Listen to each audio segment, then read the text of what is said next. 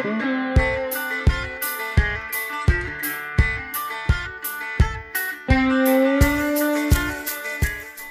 hei, og velkommen til podkasten Goffeng på leting. På denne podden skal vi ha lange, rolige samtaler hvor vi leiter etter svar og forklaringer på hvorfor den tida vi lever i, er såpass polarisert og kaotisk som den er. Podden er eh, produsert i samarbeid med tenketanken Agenda, men det er jeg som står ansvarlig for innholdet. Og det innholdet vil vi gjerne ha kommentarer på på Facebook-siden, som også heter Goffeng på leting. Vi har også lyst til å være litt lytterdrevet. Så hvis dere har forslag eller ønsker om hvem vi skal snakke med, og hvordan og hvorfor, så tar vi veldig gjerne imot det også. Så eh, velkommen, som sagt, og vi snakkes.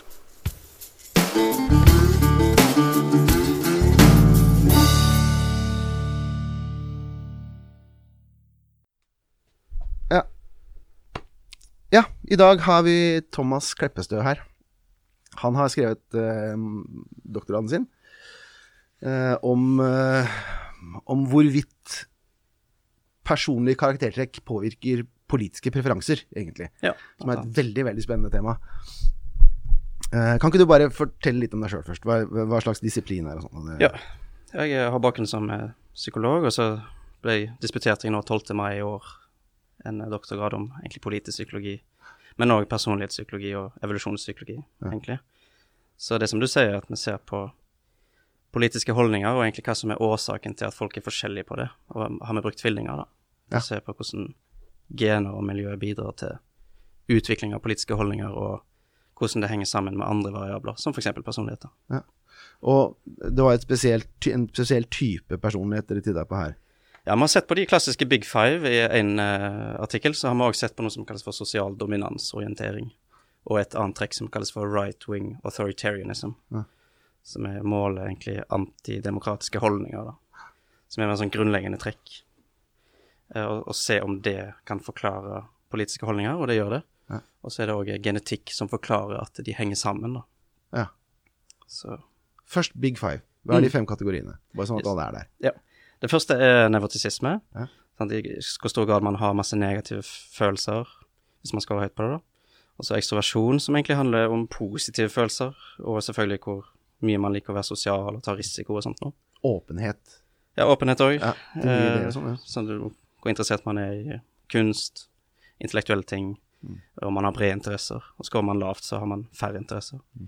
Eh, og så er det òg medmenneskelighet, eller omgjengelighet, som handler om i hvor stor grad man liker at folk skal komme godt overens, og eh, at man er opptatt av andres vel og ve. Mm. Og så planmessighet. Ja. Hvor- mye man planlegger for framtida, og hvor ambisiøs man er, og sånne ting. Så, men vi finner jo at politiske holdninger henger sammen med, med åpenhet spesielt, da. At hvis man scorer høyt på åpenhet, så er man eh, mer liberal eller progressiv. Og scorer man lavere, så er man mer mot det konservative. Eh, så, så det er på en måte den variabelen som henger mest sammen med politikk. Men en av de interessante tingene som jeg har kommet fram til, er at det ser ut til å være en egen politisk personlighet. At eh, Big Five er ikke for det, det er veldig fascinerende i psykologien forresten at Big Five fanger opp så utrolig mye. Hvis du kommer opp med et nytt konsept, så er du vil måle hvor eh, passionate folk er om skolearbeidet sitt, f.eks. Og du kommer opp med en ny variabel og kaller den for grit, f.eks. Kanskje du har hørt den? Mm. Så viser det seg veldig ofte at ok, det er egentlig planmessighet. Planmessighet fanger den samme variasjonen statistisk sett. Og sånn er det med nesten alle nye konsepter som kommer inn i psykologien. Det kan bli forklart bedre av de klassiske personlighetstrekkene og IQ, da. Det fanger opp utrolig mye, de to tingene. Men det gjør ikke politiske ting. Det ser ut til å være noe eget. Og vi finner òg at det har unik genetikk i den ene artikkelen jeg har Mhm. i doktorgraden. det, så, det, derfor doktorgraden heter The Political Animal. Ja. At jeg ser for meg at det er faktisk en grunnleggende struktur i mennesker å bry seg om hvordan ressurser skal fordeles, f.eks. Hvordan man tenker om hierarkier. Hva som er rettferdig og ikke rettferdig. At det, det er liksom ikke bare en, et uttrykk for at du har høy åpenhet og lav agreeableness, eller omvendt. Det, selv om det òg kan forklare politiske holdninger, så er det ikke særlig bra. Nei. Så derfor må man ha det sosial dominansorientering, som handler om hvordan folk tenker om hierarkier, blant annet. Forklar den litt dypere. Sosialdemokrati. Ja, så hvis du scorer høyt på den, så er du opptatt av at det skal være klare forskjeller mellom grupper i samfunnet. At noen grupper skal være på toppen. Altså, for eksempel i middelalderen så tenkte man jo gjerne at at konger hadde en sånn divine right, sant? At de, de skulle være på toppen fordi at det var gudegitt. Så det kan man jo tenke på som en sånn høy sosial dominansorientering, at det er viktig at de er på toppen, og der skal de være, og der skal de alltid være. Eh, så folk varierer på dette her, da, i hvor stor grad de syns at noen grupper er overlegne andre.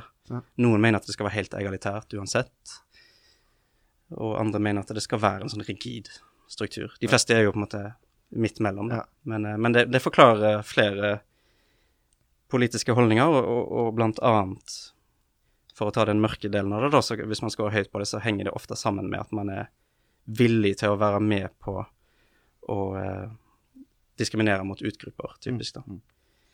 Ja, for, for øvrig så nevnte jeg det, eh, vi snakka om det eh, tidligere, Mm. må si det right off the bat her, på en måte, at dette er en, dette er en uh, ph.d. som har et eh, som har et snevert uh, felt, selvfølgelig, som ph.d.-er ofte har. Men vi skal snakke breiere om dette. Vi skal snakke om Ja. både høyre og venstre. Vi skal snakke om normalspekteret, ikke minst. Ikke sant? Og om hvordan samtalen rundt dette rabalderet her foregår. For det er litt, det er litt rabalderprega. Ja, det er det. Uh, det så mye rabalder. Hva, hva du eh, Hva slags rabalder har du i bakhodet nå? Vi tar den etterpå. Vi snakker, vi snakker mest med, om, om oppgaven først. Ja. Du sa dere brukte tvillinger. Ja, Hvordan og hvorfor?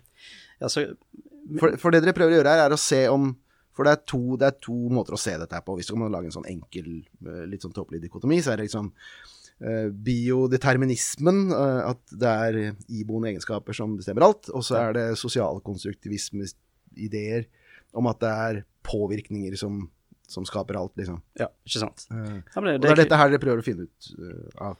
det er egentlig det. Selv om determinisme kan diskuteres at det er litt mer sånn filosofisk ting der man tenker seg at hvis man vet hvordan universet er akkurat nå, så kan du på en måte si hvor det skal gå hen. At det er en sånn predikerbarhet, at du kan i teorien se inn i framtida. Ja. Og det, det, man, kan jo tenke, man kan jo være determinist selv om man er en eh, person som er opptatt av miljøet.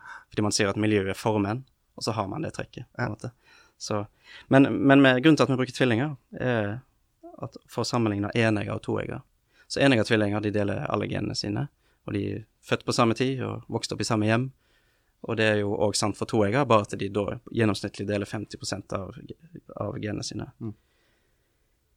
Sånn at hvis det er sånn at enegga tvillinger gjennomsnittlig er mer like hverandre Hvis du ser for deg at du har et sett med haugevis med enegga tvillinger, og så får du en korrelasjon mellom de, la oss si at da den er på 0,6 for eksempel da, der én er da er alle helt prikk like på alt, og 0 er helt random.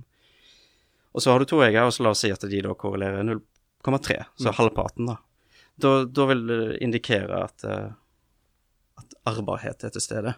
Fordi at begge har vokst opp i lag, begge er født på samme tid, i samme alder, men eneste forskjellen på de to enegger og toegger er at de har ulike gener. Ja. Så da kan man på en måte dedusere seg fram til i hvor stor grad gener har noe å si for hvordan man utvikler et trekk, da. I dette tilfellet politiske holdninger. Ja. Så finner man at det er arvbart. Og det er egentlig ikke noe nytt, da. Det har man visst en stund. Men eh, det som er nytt i, i vårt arbeid, er at vi Jeg vet ikke om du kjenner til tilk begrepet tilknytning, jeg kan kanskje forklare det òg. Ja, jeg gjør det. Ja, at eh, Jeg kjenner veldig godt til det, som jeg har adoptivbarn. Ja, ikke sant? Så det er jo veldig populært i sånne foreldreveiledninger og sånt. Men, men det går jo ut på at hvis man har foreldre som er veldig sånn responsive og til stede, så vil man utvikle, utvikle en trygg tilknytning. Så, og det tar man liksom med seg videre inn i voksenlivet, da, er teorien. At man tar den videre, med seg videre når man er voksen, sånn at når man finner seg en partner, så er man trygg på den partneren, og er ikke så redd for at den partneren skal være utro, eksempel, og sånt noe. Man er liksom trygg på at det her går greit. Men hvis foreldrene har vært veldig sånn eh, til stede av og til, og så har de ikke vært til stede, eller kanskje helt fraværende, så blir man mer utrygg i relasjoner senere. Eller skårer høy på nevrotisisme. ja, ja, for det, Skaper problemer. det er interessant at du tar opp nevrotisisme, for det er jo en kritikk av tilknytning at det kanskje egentlig er et mål på nevrotisisme. Men eh, det korrelerer med nevrotisisme, men, men ikke perfekt, så det ser ut til å fange opp noe eget. da. Men vi finner at tilknytning er arvbart, det òg. Og man skulle jo forvente at hvis det er noe Ja, ja, som formes i relasjonen til foreldre, så vil det bli fanga opp det vi kaller for shared environment i atferdsgenetikken, som er liksom det som gjør tvillingene likere hverandre enn genetikken deres, den overlappende genetikken deres skulle tilsi. Ja. Da, da indikerer du det at ok, det, du har vokst opp i samme familie, og da blir dere enda likere enn dere ellers ville ha blitt. Ja. Men eh, det, vi finner veldig lite av det, da. Så det ser ut til å bare være nok en psykologisk variabel som blir påvirka av, av gener, og så henger det ikke sammen med politikk. Nei. Og det går jo mot alles eh, intuisjoner, sant, at man tenker ok, hvis du blir enten ekstrem på enten høyre eller venstre side, så er det kanskje fordi at du kompenserer for at du ikke har hatt en god nok tilknytning til foreldrene dine, eller at du er litt sånn utrygg og usikker, og så prøver du å finne sikkerhet i politikken og sånt. Så er, og det, det er jo en veldig rimelig tanke, men eh, vi finner at det har ingen sammenheng. Hvis man er trygg eller usikker i tilknytning, så kan du være i alle retninger eh, politisk, da. Så Fordi i tvillingstudiene så er det, det er større forskjell på de politiske holdningene til toegga tvillinger Ja. enn enegga tvillinger. stemmer. Og det er en måte å se det på. Ja. Ja, og så, og så kan man òg se på korrelasjonen da mellom ok, okay, La oss si at se for deg at du har et stort sett av gener som påvirker en politisk holdning. F.eks. om du vil ha veldig streng straff for kriminelle. Og så ser vi at det korrelerer med dette eh, personlighetstrekket social dominance, som vi snakka om i stad. Så kan du òg spørre ikke bare hvor arvbart er hvert trekk, men du kan òg spørre i hvor stor grad er det gener som forklarer at de to forskjellige trekkene henger sammen. Fordi det er veldig ofte i, i de siste ti åra i human genetikk så har man funnet at de fleste trekk er polygene og pleiotropiske. Det vil si, polygene det vil si at det er utrolig mange gener som påvirker hvert trekk. Ja. Så f.eks. for hvor høy eller lav man er, så kan det vel liksom være hundrevis av gener som bidrar til om man er bitte litt høyere eller bitte litt lavere. Og sånn er det òg for intelligens og personlighet og hvor glad man er og hvilken tilknytning man har, da. Eh, og, og vi finner at det i tillegg er pleiotropisk, at det er sånn at de genene som bidrar til om du er f.eks. veldig progressiv politisk, de bidrar òg til at du scorer lavt på dette sosial dominanstrekket. Ja. Sånn at det ser ut til at de samme genene påvirker flere forskjellige variabler, da. Eh, Så, så, så igjen, tilbake til det, det der med political animal, at det ser ut som at det er et stort sett antall gener vi har i oss, som lager en slags sånn pak politisk pakke. Du, du merker jo det når du snakker med noen, og de forteller hva de syns om eh, abort, f.eks. Ja. Så kan du veldig ofte gjette hva de mener om alle andre ting. Ja, ja. Og det, det, det kan hende at det, de genene senest i går under alt klima, liksom. Merkelig hvordan motstand mot klimavitenskap henger sammen med liberal eh, økonomisk politikk. Eller Ja. egentlig ikke, kanskje, men Ja, nei, men, men at du gjør det på et personlighetsplan, ikke Mm. sant? Men, men ikke nødvendigvis på det logiske planet. Så det er jo egentlig et viktig poeng, nettopp det. At det, trenger ikke å ha noe, de politiske holdningene trenger ikke å ha noe logisk med hverandre å gjøre, men, men eh, de, de henger sammen av en eller annen grunn. Mm. Og, og antageligvis er det pga. at du har et underliggende trekk da, som produserer denne sammenhengen.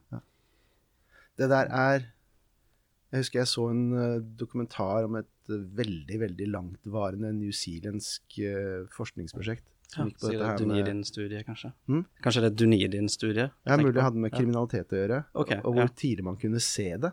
Ja, fortell. Den var deprimerende. Det er noen år siden jeg så den, og det, jeg så ikke den med penn i hånden, liksom, men konklusjonen er at det er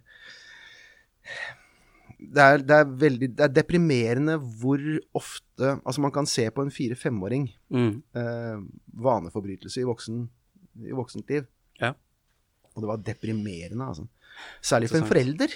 Mm. Som liksom Nå skal jeg bygge barna mine, og liksom eh, Nå skal jeg være bra sånn at de blir bra. Ja. Du blir far snart, sa Ja. du. Altså, med den kunnskapen her, så er det litt sånn Det er en crapshoot. Ja, men jeg, jeg har tenkt på en del det med å bli far sjøl og, og de tingene her, fordi en ting man vet, er at det er En ting er at gener har mye å si for hvordan psykologiske trekk man, man utvikler, Mm. men et annet veldig viktig fenomen er at søsken har en tendens til å være veldig forskjellige fra hverandre, Mm. selv om de har de samme foreldrene. Ja. Og det indikerer veldig sterkt at det er en sånn stor tilfeldighetskomponent i hvordan folk utvikler seg. Og det er jo på en måte fint at det er ikke sånn at alt er predikerbart, at foreldrene, foreldrene er helt like barna sine, og at det blir det samme hele tida. Men det er òg det som gjør det litt skummelt, at du, du kan få et barn som er på en måte veldig skoleflink og veldig sånn høflig og rolig.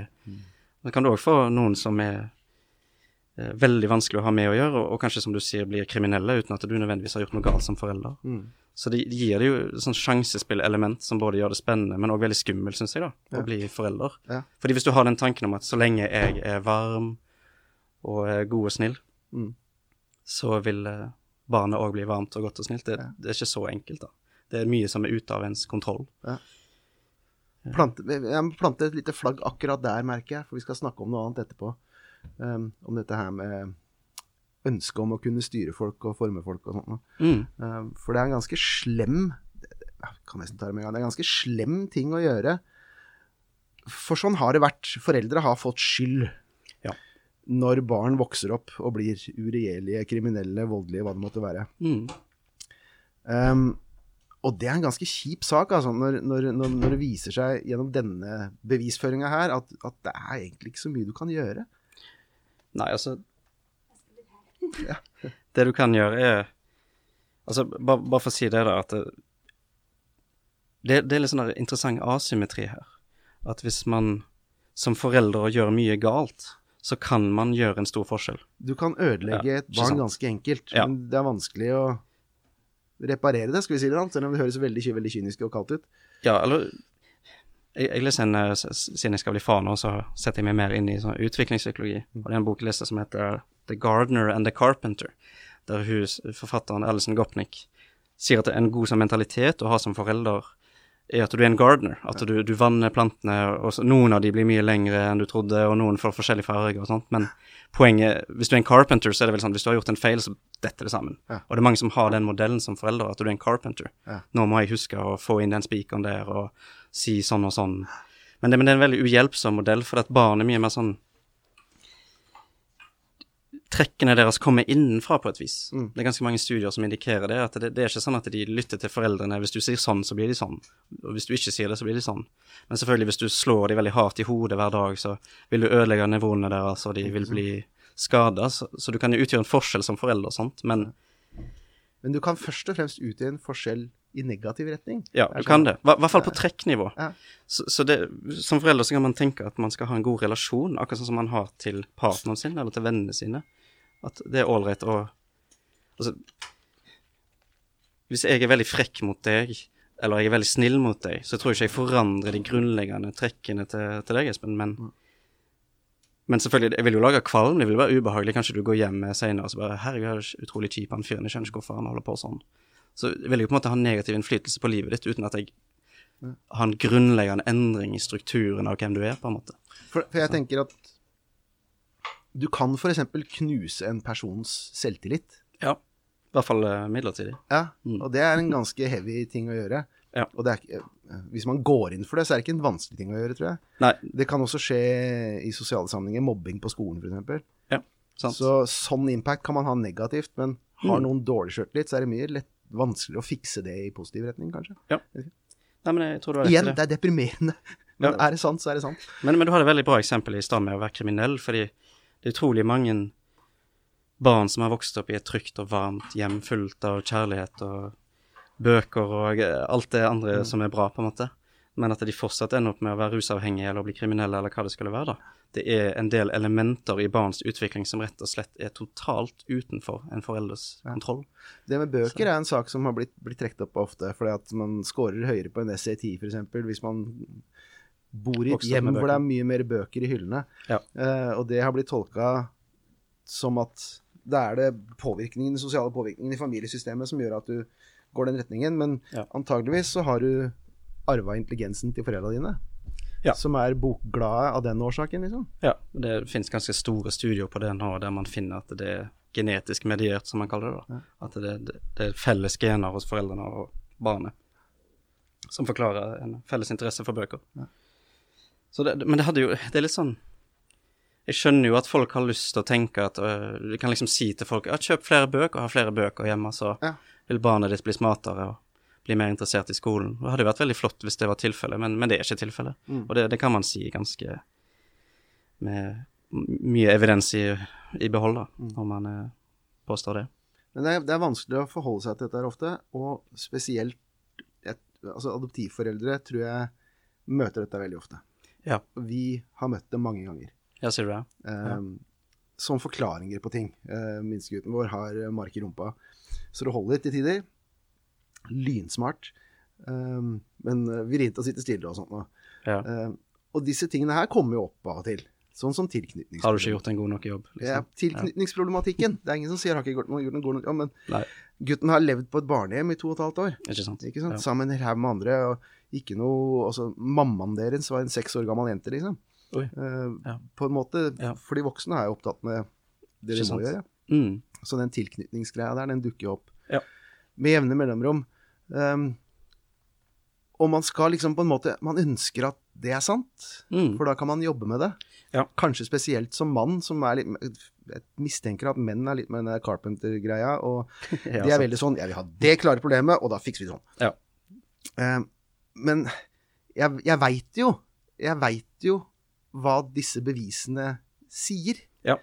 Uh, og det er litt sånn gufsent, for du har jo lyst til at For jeg tenkte på det selv når vi For det er, det er sånn at jeg har hørt, når jeg har vært på Blindern, mm. både når jeg har undervist der og når jeg har studert der, så har det vært på humaniora, på sosialvitenskapen. Det du sitter og sier her, det er helt feil der. Ja. Ja. Sånn er det rett og slett bare ikke. Nei. Selv om det er, det er litt i ferd med å endre seg, det jo eh, nå, da. Jeg håper det. Det er, Ja. det er ikke sånn det virker i den offentlige debatten, for å si det mildt. Nei. Eh, Men jeg har fått høre fra podiet i storsaler at, at denne tankegangen her, at eh, den er helt feil. Den er utdatert. Utdaterte dogmer, og, og sånn er det bare ikke. Du må ha Torkel Lyngstad på en gang. Han er en sånn sosiolog som eh, har satt seg inn i atferdsgenetikken. og ja. har, så, så det er noen miljøer i, på sosiologi blant annet da, som har åpna øynene for genetikken og hvor viktig det er å ikke bare forstå det, men å kontrollere for det. Ja. Men, men selvfølgelig, den kulturen du snakker om, er jo selvfølgelig der ennå. Ikke sant. Eh, og da tenker jeg, jeg tenker For det første så tenker jeg hammer og, vert, hammer og spiker. Mm. For sånn som jeg ser det, så hvis du, hvis du er i sosialvitenskapen, eller kanskje spesielt i en del av humaniorafagene, Mm. så er det det verktøyet du har, liksom. Eh, og når du har en hammer, så ser alle problemer ut som en spiker. Ja. Uh, man vet ikke noe særlig om evolusjon, man vet ikke noe om biologi, Nei. så da bruker man ikke det. Eh, så man vil liksom Man vil ha forklaringsmodeller innenfor sin disiplin. Jeg husker det var en, en medstudent av meg når jeg studerte i Bergen, som på lesesalplassen min la boka til Jørgen Lorentzen om eh, Jeg glemmer ikke hva han hette, men det, jeg tror det var om det var kjønnsstudier eller noe sånt. da. Ja. Og kjønnsforskjeller og, og kjønn i sånn evolusjonært perspektiv er noe jeg har vært interessert i, så var derfor han la den der på en ironisk måte. Og, Ja, og da blanda jeg jeg opp til den ene sida som handla om Jeg tror det var hjernen og hormoner, og det var ett avsnitt Ja. der han diskrediterte et studie som hadde fant at homofile hadde litt høyere hippocampus, men det viste seg å være feil, og derfor er dette barnetull, og man skal ikke bry seg om hjernen. Ja. Så da ble jeg eh, litt sjokkert, eh, og det var jo i den hjernevask-tiden, da. Ja. Men, eh, men det var i en bok, på en måte, det var ikke engang et forsøk på å ha en innføring i menneskelig biologi, da. Jeg har møtt den der ganske mange ganger, altså. Ja, du har det? Ja. ja. Spesielt på Blindern, dessverre. dessverre, og det er veldig trist. Men jeg, jeg lurte på dette her med, med confirmation bias også. Ja. For der er, vi, der er vi veldig gode, vi mennesker. Mm. Og det jeg syns er litt morsomt, er, jeg, har ikke sett noen studier på det, men jeg høres det, hev, det hevdes stadig vekk at det hjelper ikke å være smart. Uh, smarte mennesker er bare enda dyktigere til å rettferdiggjøre sin confirmation bias, Ja. sies det. Jeg vet ikke hvor riktig det er, men det høres for meg kredibelt ut. Ja. Og jeg føler at det, litt, det ligger litt der også. Man vil at folk skal være formbare, så da vil man at det skal være sant at de skal være formbare. Ja. Og jeg tenker sånn som forelder. Og det hadde vært så deilig om det var sant. Jeg vil at det skal være sant, Ja. men jeg får meg ikke til å tro på det, for det er ikke det bevisene sier. Og det er min måte å fortelle meg selv, da, at jeg ikke lider av confirmation bias på akkurat dette Sant. temaet. Det er, eh, jeg vet ikke hvor riktig det er, men eh, Men jeg, jeg tror du har rett i det. Altså, Han, Tom Sowell har jo det nyttige begrepet med sånn constrained og unconstrained vision, Ja. som er noe som typisk skiller høyre- og venstresida. At man har et mer sånn unconstrained syn på menneskenaturen på venstresida. At man vel typisk driver med mer sånn sosial engineering. Mm. Og, de, og derfor er det viktig at folk er formbare. Så det er på en måte en sånn grunnleggende prinsipp eh, man har i ideologien, da. Eh, Mens på høyresida går jo ideologien i en andre retning enn at folk er ikke så formbare. og Derfor må man ha strenge straffer og eh, tydelig lovverk som gjør at folk ikke Fordi folk har en mørk side, og du kan ikke holde styr på folk. De oppfører seg dårlig, på en måte, og sånn er det bare fra naturens side. Og det er på en måte to politiske standpunkt som Du kan tenke på det som en sånn veldig grunnleggende kjerne i forskjellen Mm. på høyre- og venstresiden, da. Ja. I hvert fall hvis du tror på Tom Sowell. Ja, og mange andre òg, for så vidt. Jeg hørte en eller annen si at konservative Det handla vel om For jeg har det samme forhold til dette her som jeg har til internasjonal relasjonsteori, Ja, egentlig. Altså realismeteori eh, er jo en, en Det er ikke en umoralsk teori, men det er en amoralsk teori. Det Mhm. handler om maktkamp, rett og slett. Ja, skjønner. For å forklare hvordan internasjonale relasjoner foregår, hvordan land forholder seg til hverandre. Eh, og det er i mitt hode uten tvil den beste forklaringsmodellen. Ja, for det minner veldig om Ja. sosial dominansteori. Ja, Mm. um, helt fra Machiavelli, dere nevner jo Machiavelli her, ikke sant? Helt fra Mm. Tykedis, mange hundre år før det òg. Ja. Opp igjennom så er det liksom Det er forklaringsmodellen, altså. Det er maktbasert, og Ja. det, er, det er hårete saker. Mm. Jeg vil ikke at den teorien skal være riktig, Nei. men den er bare riktig, sånn Ja. som jeg ser det. Um, Jeg tror Det som sosial dominansteori, de har det i, i bakhodet, det du nettopp sa, at det dreier seg om maktkamp mellom grupper. Men det som er interessant med den teorien, er at de går litt dypere og tenker evolusjonært på det. At de tenker, Hvorfor er det sånn at folk ønsker makt over andre grupper i det utgangspunktet? Og da koker det ofte ned til at det er to ressurser man ønsker seg, og det er territorium eh, for å ha mer plass til folk og få tak i mer mat osv. Og så òg tilgang til partnere. Og det er en av grunnene til at det er nesten utelukkende menn som går til krig. Mm. Både historisk eh, og i dag. At man eh, og Det er en sånn Jeg skriver det litt om i, i snakker du om ledere eller soldater, da, forresten? Begge deler. Begge deler. Um, ofte er det sånn at ledere kan ha litt andre motivasjoner, at de er mer opptatt av å dominere andre for å oppnå enda mer status sjøl som leder. Mm. Uh, og kanskje ikke, og i mindre grad det med å få tak i få tilgang til det motsatte kjønn, for dette, det har, sliter de kanskje ikke med fra før av, på en måte. Men et, et veldig interessant eksperimentell studie som jeg skriver om i Kappa i, eh, i doktorgraden, er at når du viser bilder av attraktive kvinner til menn, og spør de etterpå eh, hva holdninger de har til krig, så kan du øke deres preferanse for krig, at krig er en bra ting, eller at det er viktig å gå til krig av og til, og sånne holdninger. da. Så det ser ut til å være en sammenheng mellom den aggresjonen multigruppeaggresjonen, at noen menn går og krigfører mot en annen eh, nabo-tribe, da, og ofte dreper alle sammen, og gjør sjimpanser òg, forresten. Eh, som henger sammen med ønsket om å få tilgang på, på partner. Mm. Og det er jo ikke noe kvinner er interessert i i det hele tatt, så det, kan på en måte være en forklaring hvorfor krigføring er noe som menn gjør. Ja. Um, så, Ja, det- selv om makt er jo en forklaring, det òg, og, og en forklaring som funker i, med politisk teori i dag, så kan man jo spørre seg ja, hvorfor vil man ha makt i utgangspunktet, hvorfor er makt viktig, da? Og det er det sosial dominansteori har som sin største fordel, syns jeg, at de blander inn evolusjon der, i tillegg til litt marxistiske perspektiver og litt ja, Det er en som heter Jim Sidanius, som, står, som nø, nylig døde, da, en psykolog på Harvard, som har utvikla den teorien. Ja. Så det må du sjekke ut. Gud, det er så mye å lese. Ja, det er det.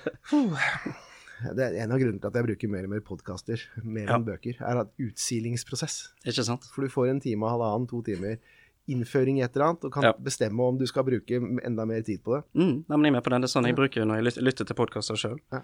Effektiv måte å få inn eh, kunnskap på, egentlig. I en sånn enk, lett format. Ja, så Mm. kan man velge fordypninga ut fra det. Ja, for det, det med kvinner og menn og det, dere skriver et par sånne um, et par ting her som Dere skriver det du snakka om nå, at Mm. denne aggressiviteten har med partner partnerjakt å gjøre. Ja. Og jeg mener, det er jo altså, Jeg hørte en eldre kvinnelig biolog snakke om dette her, og hvordan menn har bruk for 50 damer, men ingen dame har bruk for mer enn én mann. Alle Nei. de 49 andre er bare sånn pest som flyr rundt og maser, liksom. Ja. Så, så dypt evolusjonsmessig som det går an å få bli, og det er klart det former oppførselsråd holder. Ja. Det, hvis man skal forklare det, så er egentlig den beste måten å se det på, det er med, bare med graviditet. At Ja. hvis du har sex med mange ulike partnere gjennom graviditeten, så har det, er det på en måte i beste fall nøytralt. Mm. Du bare kanskje ut, utsette deg selv for risiko for kjønnssykdommer, kanskje. Så det er egentlig bare kostnader tilknyttet til det. Men det er klart, eh, korttidssex kan òg ha evolusjonære fordeler for kvinner. Mm.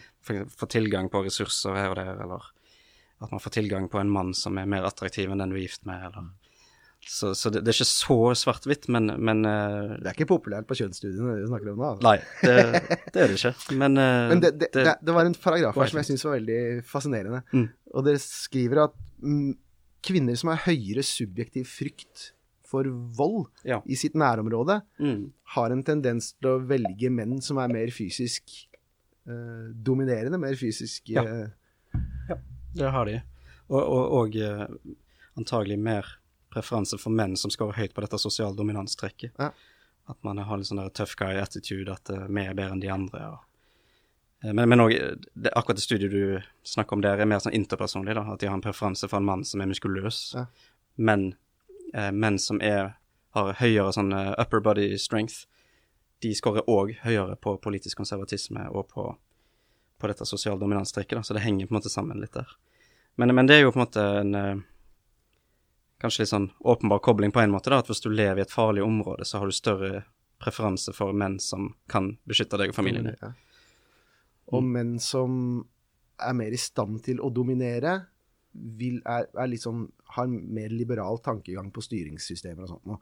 Så vidt jeg forstår her, hvis det, nå sa jeg kanskje det på en litt rar måte, men hvis du, er, hvis, du hvis, du er i, hvis du er i stand til å projisere makt, Mm. så vil du ha mindre styring. Du vil ha mindre kontroll på måten du kan projisere makt på. Sånn, ja. Mm. Ja, for da tenker jeg på, jeg husker jeg leste et studie om sjimpanser som er helt i toppen av hierarkiet. Så vil de ofte faktisk være mye mindre aggressive enn de som er på bunnen, nettopp fordi at de ikke trenger det. De kan Ja. bare intimidere. Ja. Og så er det nok bare flekke tennene. Så vil de andre skjønne ok, nå må jeg komme meg vekk. Eh, Ja. Eller som det er sånn du mener at Ja, eh, jo, det er også en greie, for så vidt. Det var ikke helt det jeg mente, men jeg kjenner igjen det du sier der fra Ja. kampsporttreninger. Oh, ja. Folk ja. som er virkelig, virkelig dyktige. mm. Som bare er helt rolig. For det, jeg trenger ikke å vise meg fram. Jeg Nei. vet at jeg takler dette hvis det skjer et eller annet. Jeg setter på dørvakter, blant annet, som jeg jobba sammen med. ja. Ja, de, som, de som vet at dette her takler jeg uansett, de, de slipper den skrikinga og berninga. Ja, for det, det er òg en, en, en ting med menneskenaturen at det handler ikke bare om dominans og krigføring, om ønske om territorium, alt det her, men det handler òg om egalitære tendenser. Ja. Eh, jeg leste et par sånn antropologiske bøker når jeg skrev doktorgraden om der det var flere menn som lever i sånn hunter-gatherer-samfunn, som beskriver hvordan det var når en av deres eh, mannlige kollegaer er suksessfulle i jakten sin. Så kommer de ofte tilbake, og så blir de kritisert av de andre mennene, eller liksom de blir put down, da, sier slutt å skryte så mye, liksom, det er ikke så big deal det du fikk til. Så få han ned på jorda, fordi han ene der sa at hvis man ikke gjør det, så er det mange som tror at de er bedre enn oss andre, at siden du har uh, fått tak i så mye kjøtt, så, så skal du liksom styre over alle oss andre plutselig. Så det, så det, det er tydelig at mennesker òg er opptatt av å ha noenlunde egalitære forhold til hverandre, da. Så, så det er en sånn dualitet der i menneskenaturen. Det er ikke bare det som vi har snakka om nå, med dominans og krigføring, men òg en sånn ønske om at folk skal være like. Uh, og det er jo typisk for menneskelig psykologi nettopp det der, at det er sånne motsetninger inni oss som hele tida Det sier det stikk motsatte. Kommer stikk motsatt intuisjon. Jeg leste den paragrafen der og Ja. tenkte det var faen meg noe til jantelov. Ikke sant? Her, her kommer mannen med kjøtt i hele gjengen, og så får du Ja. bare kjeft, liksom. Ja, sant. Eh, Jantelov er veldig universelt, tror jeg. ja, for norsk. den var ganske, Ja. det var en utstudert variant av den. Ja. Men det er jo, altså jeg skjønner det veldig godt, Mm. eh, for, det, for det er jo handler om å, å holde, altså å unngå diktatorer, Ja, nemlig. mer eller mindre. Mm. Men du holder jo også tilbake talent. Du holder jo tilbake utvikling også på den måten der. Ja, men, men ikke sant? Og det, der har du den tosidigheten der, at eh, men, men kanskje det er viktigere i akkurat det samfunnet å holde folk tilbake, sånn at de ikke blir diktatoriske, som du sier. Mm. Fordi at de vil jo gå ut og jakte uansett. Og, og, og jakt er litt interessant, fordi det er ganske mange grunner til å tro at jakt er, har et stort element av tilfeldighet. Mm. At det er derfor de deler fangsten ofte. Ja, ja. Fordi at hvis du ikke gjør det Det er sånn OK, jeg er så skilla i jakting at jeg får tak i mat uansett, så jeg trenger ikke å dele. Det er ingen som tenker sånn, nettopp fordi det er tilfeldig. Så det kan godt tenkes at jo mer ikke tilfeldig noe blir, eh, enn menneskelig aktivitet, jo mer blir det sånn at folk vil fremheve talentene. Da. Mm. Eh, det kan godt hende at det er noe antropologisk skriveri om akkurat det der. Men det, det, apropos det du sa om at det er mye man må lese. Jeg har en, eh, jeg har en guilty pleasure. Ja. Jeg, jeg sitter og jobber med skinn, Ja, og det er en sånn så eh, meditativ greie som tar lang tid, og det er puslete. Det blir som det er sånn bonsai-treknytting-lignende greie. Ja, stilig. Og da, da har jeg på programmer som er interessante nok til at jeg titter på dem av og til, men Mm. så uinteressante at de ikke distraherer for mye. Og det er akkurat sånn passe, liksom. Og Mm. det er veldig ofte sånne survival-programmer. Ja, morsomt. Og der kommer den greia der inn. Ja, For det er, det er litt lavstatus å drive og sanke ting, ja jeg skjønner. men der ligger det trygghet. Blant mennene, da, vil jeg tro. Eller? Spesielt, ja. Ja. Mens han som tar fram buen og skyter et eller annet, det er liksom Ja. Det er gorilladunking i brystet, liksom. ja. Men plutselig går det tre uker uten at du får til noe, og i mellomtida har alle stryket med, på en måte. Mm. Så det, det du sa om høy risiko der, det Ja, Det stemmer nok, ja. Ja, for det, det gir mening at det skal være en del individuelle forskjeller i sånne survival skills. Fordi, um, jeg vet ikke om du har lest denne boka til han Joe Heinrich. Han snakker om uh, The Secret to Our Success, som handler om kulturell evolusjon. Og Den bruker annet Roald Am Amundsen som et bra eksempel, fordi han brukte mye tid til å være sammen med inuittene Ja. uh, og lære seg deres uh, overlevelsesstrategier. Mm. Og da Det var nok en av grunnene til at han klarte seg. Fordi det var veldig mange, og det, det er jo, historien er jo full av eksempler på, på hvite menn fra Vesten som eh, tror at de er store eventyrere og eh, undervurderer den lokalkunnskapen som er for å overleve på ulike områder. Og de, de dør overraskende fort, beskriver han eh, Heinrich nå. og Det viser liksom hvordan ting er ikke bare på individnivå, det handler òg om å til, ta til seg den lokale kunnskapen. Og ofte i mange sånne lokalkulturer rundt omkring i verden, så er det overraskende hvor mye kunnskap de har kommet fram til uten at de har noen vitenskapelige metoder. Så for eksempel, han, Et annet eksempel han har i boka, er hva råd de gir til gravide kvinner. Så sier de du kan ikke ete denne haien her. Du kan ikke spise det og det kjøttet. Men, litt sånn som vi har her i Norge med at du skal ikke spise pølse og alt det der. Mm. Men, men hvordan har de kommet fram til den kunnskapen? Det er antageligvis gjennom sånn prøving og feiling, fordi med moderne vitenskapelige metoder så kan man si ja, de, de har rett. Den hai, det haikjøttet her inneholder toksiner som kan være skadelige for det barnet som utvikler seg. Eh, og det er jo noen individer som vil kunne ta til seg den kunnskapen mye mer effektivt, som da vil være bedre survivors. Kommet fram til det gjennom en helt bråte med dødsfall og sykdom, egentlig. Det tror jeg nok. Eh, Jeg- En av de tinga som overraska meg mest når jeg leste Bibelen igjen, ja. eh, er eh, 20 sider med hvordan Gud vil at du skal behandle hudsykdom. Oi, ja, Det er masse sånt nå. Mye hvordan du skal vaske deg og Ja, Ja, ja, eh, og det, det, må jo være Vi har ikke noen forklaring på dette her, men vi vet at det funker. Men hvordan i all verden skal vi få folk til å gjøre det? Gud vil det, liksom. mm, mm, Og det, det er effektivt. Ja. Det, det der med Snakker vi dominanshierarki, da. Ja, det er egentlig det at Gud er kanskje helt på toppen av dette hierarkiet, og så har du konger og dronninger under der, og så funker det nok òg som en slags måte å overbevise folk på. Ja. Um, kanskje ikke like effektivt i dag med eh, er så mange agnostikere rundt omkring som er, ikke tror på noen ting. Nei da. Men um, Det er i hvert fall vanskeligere å Det er vanskeligere å overbevise folk når de må bruke vitenskapelig bevis som er eh, detaljert, og det er spesialisert, og det er Mm. eh, enn å bare si 'dette har Gud bestemt', liksom. ja, sant. Kanskje vi burde gå litt tilbake til det. Nei, det, det, det blir fort tyrannisk. Mm. Og det kan fort òg bli irrasjonaliteter som Gud liksom skal ha sagt, da. At du skal fjerne forhuden, for eksempel, eller ja. Ikke sant? Bare for å snakke om alle de kontroversielle temaene. Men en ting jeg lurte på er For her eh, Dere studerer eh, høyreradikal tankegang. Eller det, det Ja. var litt feil uttrykk, kanskje. Men. Ja, eller Nei, det, det, det Ja, fullfør spørsmålet litt. Ja, ja, ja. Mm.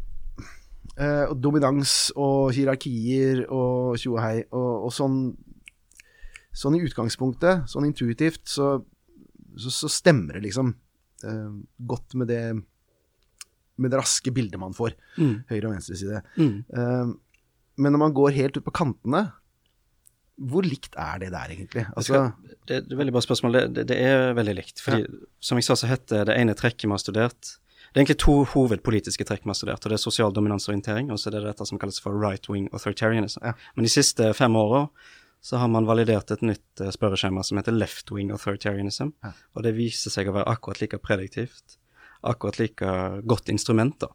Så det fanger opp egentlig akkurat det samme på venstresida. Og det som er likt, er jo egentlig at det er antidemok... eh, Altså det er mot eh, demokratiet, egentlig. illiberalt. Illiberalt, Ja. totalitært, autoritært. Og det sant, Både Stalin og Hitler har mange likheter, da, hvis Ikke man skal sant? gå helt ut i ekstremene. Så hestesko, hesteskoteorien får en ekstra liten eh, dytt i ryggen med den nye forskninga der. Ja, den, den gjør egentlig det. og det, det, Tribalism er kanskje et ord som er nyttig her. da. Ja. At uh, mennesker har en tendens til tribalism. Og at det, det har ikke noe med venstre- og høyresiden å gjøre, egentlig. Det går mye dypere enn det. da. Jeg tror det har med hva som er opportunt. Uh, og det, dette er min synsing. Uh, men hvis du er en sånn autoritær person Mm. som vil dominere, eh, hvilken side er det lettest å gå ut på akkurat der og da i ditt samfunn, i den historiske konteksten, for å oppnå den dominansen? Ja, jeg, deler den sånn intuisjonen. ja. Når, når jeg har lest meg litt opp på Stalin òg, så føler jeg det er et veldig bra eksempel på det, egentlig. Ja. At det var det som var sightguisen, klimaet rundt han der, var revolusjon, og det var hatet mot de rike, de som hadde makten. Ja. Hadde du snudd det på hodet, så tror jeg ikke han hadde stått på prinsippene om at man skal eh, få arbeiderklassen opp. Måte At det er ikke det det handler om, det handler heller om hans trekk, ønske om makt, ønske om å dominere andre. At det er mye mer grunnleggende. Og det er jo veldig mye snakk om hvordan sånn politiske ledere ofte kan være sånn seksuelle predatorer, f.eks.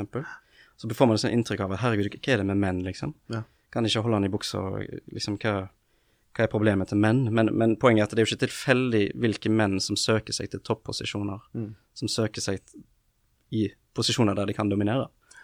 Sånn at det er nok heller en seleksjon for personlighetstrekk, Mm. dette. Så, så jeg er helt med på den. Jeg, jeg tror at det- det, det- er opportunt, som du sier. Ja, det føles Når du nevner Stalin, Mm. hadde det vært enklere for han å blitt fascistisk diktator, så hadde han blitt det istedenfor Ja. kommunistisk diktator. Ja. Um, Det er jo selvfølgelig en påstand man ikke kan bevise eller motbevise, men, men jeg har i hvert fall den samme intuisjonen. Mm. Nettopp fordi at vi finner òg i, i artikkelen i doktorgraden at noen mennesker scorer høyt på antidemokratiske holdninger. Mm. Så selv om de har kalt den for right-wing authoritarianism, så er det fordi at det, den ble opprinnelig utvikla av Adorno og den gjengen der på 1950-tallet, og de var jo selvfølgelig de var jøder alle, og de var veldig bekymra for antisemittismen som nettopp har vært og fortsatt var i Europa da. Ja. Så det var det de valgte å fokusere på, med god grunn. Men, men det er ikke noe utelukkende right-wing-fenomen. Men sosial dominans er nok litt mer eh, som politisk prega. At hvis man er på høyresiden, spesielt langt ut på høyresiden, så er man mye mer opptatt av rigide hierarkier. mm. Og man ser òg at i Forsvaret, eller blant soldater, så scorer man mye høyere på sosial dominans, eller, eller i politiet, Mm. enn man gjør i andre yrker. Nettopp fordi at det selekterer de menneskene som allerede har de trekkene. Mm. Og sånn er det egentlig generelt, at i et liberalt samfunn der folk kan velge det de vil, så, så er det ulike ting som som funker som magneter på visse personligheter. Mm.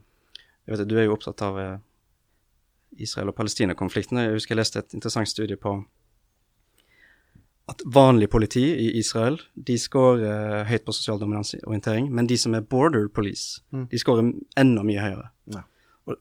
Og det gir mening at det, det er der de som virkelig vil enforce den forskjellen, da, de blir selektert inn der og ønsker å være der sjøl. ja, jeg har møtt dem. Ja, du har det? Fortell. Ja, nei, altså, jeg var Av Border Police. Ja, jeg var jo på disse båtene vet, du, som prøvde å komme seg inn til Gaza for noen år siden. Stemmer det, du nevnte det. Og da var det den delen som hadde ansvaret for transporten av oss med en gang, med en gang soldatene hadde tatt kontroll og skytinga var ferdig. Mm. Så jeg vet litt om hvordan de funker. Ja, sant. Eh, kunne snakke om eh, Alice in Wonderland-taktikken og sånt, men det er ikke så veldig interessant akkurat nå. Men jeg kan fortelle om det etterpå. Det er, Ja. det er, for det er, det, er, det er måter å bruke psykologi på som er ganske imponerende i all sin kyniske prakt. Hva er det du finner imponerende? Jeg bare blir nysgjerrig nå. Um, jeg sa Alice in Wonderland Dette blir en digresjon. Ja. Um, men digresjoner er Er det ikke det som er på- stilen din. Jo, jo, på podkaster er det fint digresjon. Um, det kalles, som jeg har sagt, Alice in Wonderland-taktikken. Mm. Um, og jeg hadde hørt om dette her. Jeg hadde hørt om det fra aktivister, jeg hadde hørt om det fra reportere, folk som har jobba der nede eh, uten å være veldig involvert i politikken, liksom. Mm. Um, bare det å gå gjennom grensen fra Israel til Gaza Plutselig skjer ting veldig fort, og så skjer det veldig sakte. Og så får du beskjed om at noe skal skje veldig fort, men så tar det lang tid. Uh, og så er det noe som bør egentlig gå veldig fort, men også tar veldig lang tid. Og så er det noe som bør være komplisert, som skjer veldig fort. Og så endres beskjeder hele tiden. Og, og du, du blir veldig forvirra av det. Mm. Så poenget er å Og du blir veldig avhengig av den personen som gir deg disse beskjedene. Ja, sånn, ja. Um, og jeg merka det da i alle ledd gjennom den prosessen å bli tatt kontroll over av, av militæret og, og, og ha med transporten å gjøre, og de forskjellige menneskene man hadde med å gjøre gjennom hele den prosessen, ransakinger og fengselstransport og fengselsopphold og alt mulig. Mm. Det var den samme taktikken som gikk igjen, gang, igjen og igjen og igjen. Mm. Så du sitter da under kontroll og spør kan jeg få gå på do. Og det er gjerne tre-fire stykker som har spurt det spørsmålet. Ja, vent her borte. Og så kommer han tilbake igjen og sånn, nei, du får ikke allikevel. Gå og sett deg igjen. Men du kan. Ja, men jeg spurte før han. Ja, ja, det har ikke noe å si. Du kan. Og masse sånne ulogiske greier som gjorde at du du var ikke sikker på noen ting. Nei, sant. ikke sant? Mm. Og du blir veldig, veldig avhengig av denne personen som Ja. dominerer deg i akkurat det øyeblikket, og den, den personen får veldig god kontroll på deg. Ja, sant. Og folk frika litt ut eh, Mm. eh, under den prosessen der. Men ettersom jeg hadde prata med mennesker som hadde opplevd dette her en stund, så kjente jeg det igjen med en gang det kom. Ja. Og det var veldig godt å ha den forberedelsen. Ja, sant. Um, Ja, for vi har spekulert litt i det, om kanskje det kan være noe sammenheng med sånn inntopp... Bare, bare en- en liten ting. Jeg hørte en eller annen som sa, når det gjelder vold mot barn Mm. um, Og dette høres veldig merkelig ut, men han sa hvis du skal slå barna dine, gjør det i hvert fall regelmessig ikke tilfeldig. Mm. Og logikken var Logikken var at det er mye verre. Ja, sånn, Når ja. du aldri vet når den ørefikken kommer. Ja, sånn, Så du mener at man skal gjøre det tilfeldig? Nei, man skal gjøre det. Altså, hvis du skal slå barna dine, hvis Ja. du har tilhenger av den typen barneoppdragelse, Mm. gjør det i hvert fall regelmessig. Da gjør okay. du mindre skade enn hvis du bare Ja, sånn, ja. dem ja helt med tilfeldig. Mm. Nei, det, det, det er helt riktig at uh, når sånn ting er uregelmessig, så er det mye verre. Og det, kan, Du har sikkert hørt om det med gambling òg. Nei, bare. Nei, at hvis man eh, Hvis du har en sånn one armed bandit og sitter foran en sånn kiosk Ja. Hvis du får belønning uh, uregelmessig, at det, at det ikke er predikerbart, så vil du Når du da får den belønningen, så er det voldsom eh, dopaminutskillelse, Ja. og du blir mye mer gira da enn hvis du får det liksom hver tiende gang. Hvis det blir predikerbart, så er det ikke like spennende. Ja. Så, og, det, og det går nok andre veien òg, da, hvis man skal bli eh, torturere folk effektivt. Ja, det skal jeg tro. Um, det er jo Ja, du ser jo det på folk som er fanger Mm. under avhør, som Ja. går over lengre perioder. Dette er med å forvirre folk, ødelegge døgnrytme, f.eks. Ikke sant? Veldig Mm. effektivt. Sette folk helt ut, og det, du, du får en dominans. Det er jo det bad cop, good cop går ut på også, Ja. til en stor grad. Mm, det er jo det. det fordi vi har tenkt litt på om, om sånn interpersonlig dominans som du beskriver nå, at du ønsker å dominere mennesker som er rett foran deg, liksom. Om det henger sammen med det å skåre høyt på sosial dominansorientering, som dreier seg om forhold mellom grupper, og ikke mellom individer. Mm. Men uh, i hvert fall i, i, i vårt uh, datasett så finner vi ikke noe sammenheng mellom ekstroversjon, som egentlig måler litt sånn uh, hvor mye du er dominerende i samtaler og sånn, da. Og det henger egentlig ikke sammen med sosial så som har tenkt at det er liksom to forskjellige ting. Mm. Men jeg vil jo tro at går du langt nok ut i det ekstreme, så finner du det både på holdningnivå og i atferd med andre individer, da, sånn som du så med de israelske soldatene. Ja. Men jeg tror ikke det har blitt forska så mye på akkurat det der. Det har blitt skrevet veldig mye om hvordan diktatorer setter folk opp mot hverandre, eh, og hvor tilfeldig det er hvem som plukkes ut i neste ekskursjon, eksklusjonsspilletongen, liksom. Ja. Mens, mens vi snakker om Stalin. Og, Ikke sant? Stalin er jo det ypperlige ypperlig eksempel på det. både han og Hitler var jo eksperter på det greiene der. Ja. Jeg, jeg så på Netflix en utrolig god, god dokumentar om det, The Inner Circle of Hitler, eller hva han heter. Det var samboeren min som studerer historie, som faktisk fikk han anbefalt av historieprofessorene, så da tenkte jeg ok, nå må jeg se den. Og det er helt fascinerende hvordan Hit, uh, Himmler og Göring og egentlig alle som var rundt Hitler, var så individorientert. Hvis hvis en ble syk i noen uker, så gikk de andre og prøvde å ta stillingen hans. Ja. Og det var konstant kriging om hvem som skulle ha mer makt. Selv om alle så på Hitler som en, eh, som en eh, Messias, så var det likevel sånn at de gjorde sitt aller beste for å fremme seg sjøl. Det, det var ikke noe jeg, hadde, jeg var jo kanskje litt naiv før jeg så det, men jeg kan ikke så mye om historie. Men, men jeg har liksom sett for meg at nazistene samarbeider godt. At grunnen til at de kom til makten, var fordi at de hadde en enormt Alle har samme mål, samme holdninger. La oss jobbe i lag for å oppnå dette her. Men uh, selvfølgelig var det jo litt sånn på 20-tallet, når, når, de kom til makten i utgangspunktet med det kuppet ned den der Bear uh, Hallen og sånt. Mm. Så samarbeider de jo, men, men, når de først kom til makta, så var det bare et kaos. Det er tydelig at du har gjort en heftig seleksjon på personlighetsnivå her. Mm. Alle har et intenst ønske om å dominere og ha makt, så mye makt som overhodet mulig. Mm. Og når du setter alle de inn i ett rom eller i én regjering, så blir det kaos, da. Ja. Og det er kanskje en god ting, Mm. fordi hvis de hadde vært bedre på å samarbeide altså, og tenkt litt mer nøye gjennom hvor raskt de skulle dominere hele Europa, og kanskje stoppe å angripe Sovjetunionen, Ja. f.eks., eller de har tenkt litt sånn, så hadde, det kanskje gått mye Hadde det vært litt mer åpent for maktkritikk, så hadde kanskje ikke Ja. Hitler gjort noen av de største tabbene sine. Og da kunne det gått mye verre. Det, det tror jeg. Stoppe Eh, soldatene sine før Dunkerque og splitte opp hærene sine i øst og alt dette. Ja. De store tabbene han gjorde, som ingen turte å påpeke. Ikke sant?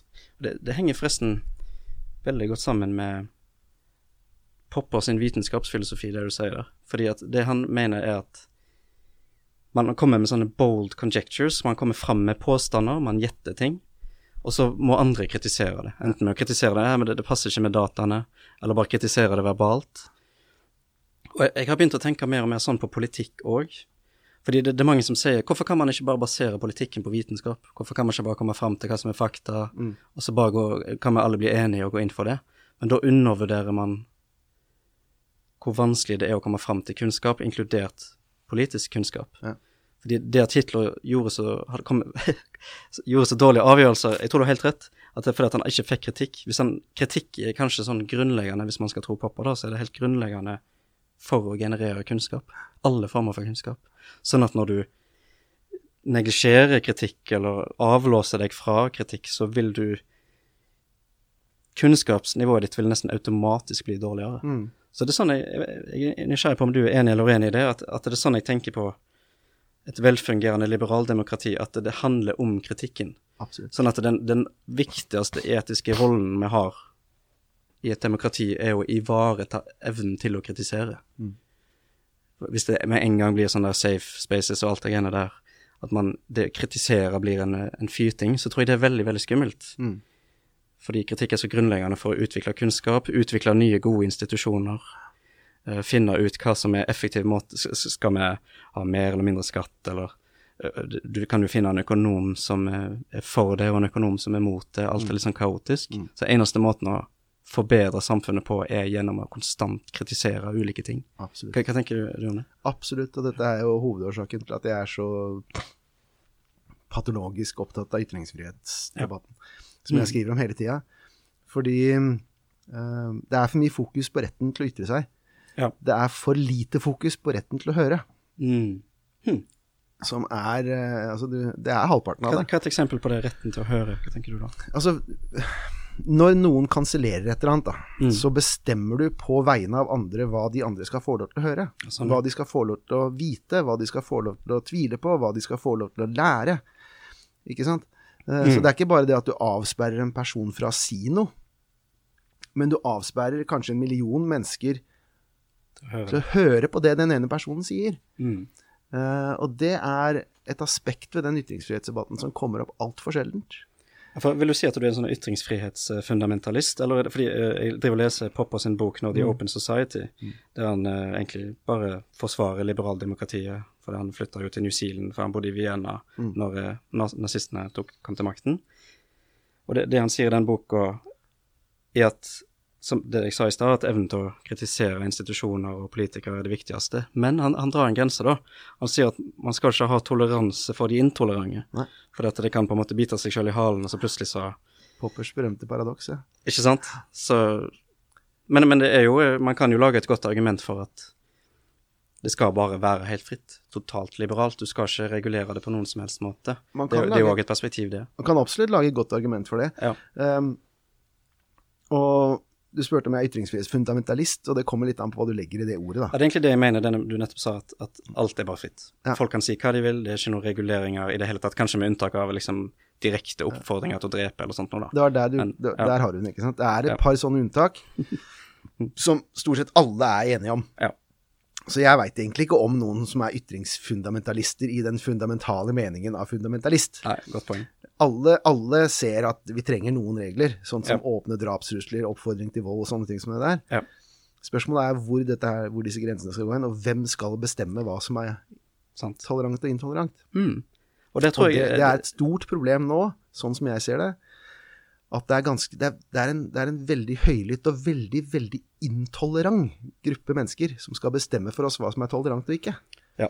De illiberale liberale menneskene, ja. Ja. Ja. Eh, og det er et problem. Mm, det er det. Um, og dette er en av årsakene til at jeg spurte, for dere har forska på den eh, høyre autoritære greia. Mm. Og sånn som jeg leser det, og sånn som jeg oppfatter det rundt omkring, så forskes det mye, mye mer på den Ja, enn på den venstre autoritære greia. Ja. Og jeg vet ikke helt hvorfor. Jeg har mistanke om at det har med vår nære historikk å gjøre, selvfølgelig. Ja, men, men det er er helt eh, interessant, fordi hvis du, hvis du spør om politiske holdninger, f.eks. til sosialpsykologer professorer på universitetet, så ja, 98% vil være på venstresida, og hvis de er konservative, så Det er morsomt, for han Jonathan Haidt han skrev en artikkel om liksom konservative sosialpsykologer, så kunne han nevne de ved navn. Ja. Liksom. Og det er et stort land. ja. Og det, det er liksom bare en håndfull mennesker som er i hvert fall åpne om det, da. Det er nok mange som bare ikke er åpne om det. Så, og det, og det forresten syns jeg kanskje er det største paradokset med denne woke-bevegelsen, er at Man er veldig opptatt av mangfold. Men man er jo Man hører aldri de at det er for lite konservative universitetsprofessorer. Man hører aldri den. Man hører aldri at det skal være mangfold i ideer, mangfold i politiske stemmer. Det skal liksom være en homogenitet politisk, og så skal det være en diversitet på hudfarge. Og den der, den der miksen der, den er litt sånn Jeg har forandra litt mening om den etter hvert. Ja, fortell. Um, for du har jo helt rett i det der. Uh, akkurat Meningsmangfoldet er det mangfoldet man ikke aksepterer, på en måte, som man ikke vil ha. Men man skal ha de, diverse i hudfarge, f.eks. Ja. Men den holder jo helt til noen Noen Ta- ta med Coleman riktig Hughes, for hudfarge eksempel, da, eh, har en annen politisk ja. Coleman. Hughes, som er en svart amerikaner, Yes. når han ikke har woke meninger, da betyr det plutselig ingenting at han er svart Nei, nei, lenger. Så det, det tyder på en veldig sånn prinsippløshet, da. Nemlig voldsom prinsipp. Så man, man, sjekker, man sjekker for politisk enighet eller uenighet, Ja. og så tillegger man hudfarge som det passer. Ja. Så hvis du som hvit mann er uenig, så bruker man det. Hvis en svart mann er uenig, så er det plutselig ikke interessant lenger. Ja. Eh, så det er en sånn voldsom prinsippløshet der. Så det, det er helt tydelig at det er meningsmangfoldet som er liksom målet, Ja. hvis man går lengst ut på den våke enden. Ja. Og dette er en av årsakene til at jeg spurte. For det første syns jeg er fascinerende at det forskes så mye mer på den høyreautoritære greia.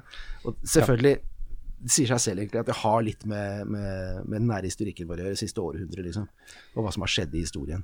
Absolutt. Og så har det med Skal man forske på altså, negative aspekter ved grupper, så er det mye lettere å forske på de negative aspektene ved grupper som man ikke er enig med. Man kunne egentlig tenkt at liksom etter kommunister kom til makten flere steder, kanskje spesielt i Sovjetunionen, at det var mange akademikere som ble interessert i left-wing authoritarianism. Men det var jo, her, liksom. det var jo mange eksempel, det var jo mange av de som var marxister i den eh, i, rundt Adorno og den gjengen der. Ja, ja. Så jeg tror nok Apropos tilbake til det der med at man, ulike institusjoner tiltrekker seg ulike personligheter som magneter, så er det nok noe med akademia, og da spesielt humaniora og samfunnsvitenskapelig fag, som tiltrekker seg mennesker som er opptatt av andre mennesker, opptatt av, at, eh, av rettferdighet. Sånn at det tiltrekker seg mange på, på venstresida, som selvfølgelig igjen vil fargelegge hvilke måleinstrumenter man utvikler i psykologien. Og det, og det har heil, skjedd helt åpenbart i politisk psykologi. Når jeg har satt meg inn i det i, i doktorgraden, så er det et veldig fokus på alt som er feil med høyresida. Og for eksempel eh, de viktigste artiklene, de heter sånn som Political conservatism as motivated uh, reasoning eller motivated cognition. Så det er veldig sånn at man, man patologiserer konservatismen, da. Eh, og, eh, og man gjør ikke det tilsvarende på andre sida. Men akkurat hva som er årsaken, er jeg usikker på, men, men eh, hvis jeg skal gjette, så er det den der magneteffekten. Og det, det er vanskelig da å løse det. Skal man liksom, når man ansetter universitetsprofessorer i psykologi, skal man liksom OK, du er politisk liberal med, eller progressiv. Vi har for mange av deg nå, så vi ansetter han konservativ istedenfor. Jeg vet ikke om det er noen god løsning heller, da. Jeg vet ikke. Så, ja. det, er det, er, det er en vanskelig ting å løse, for du vil helst ikke rote rundt politisk Nei. i ting. Sånn som i USA akkurat nå er det jo en stor greie med republikanske politikere som vil forby det som kalles critical race theory Ja. i akademia. Mm. Og der er et problem. Altså, critical race theory, sånn som jeg ser det, er den eneste tankegangen jeg vet om. Altså, nå skal jeg være litt mer nøyaktig. Critical race theory er nå én ting. Eh, de praktiske følgene av den ute i verden er en annen ting. Mm. Eh, for du har, hvis du er, helt ren på hva selve teorien er for noe, så er det noe litt annet enn det som foregår i møterom og opplæringsinstitusjoner rundt omkring. Mm. Men denne tankegangen er den eneste tankegangen jeg vet om som klarer å være grovt rasistisk mot alle grupper samtidig. Ja. Det er ganske fascinerende, egentlig. Det, det ser på det som en katastrofe.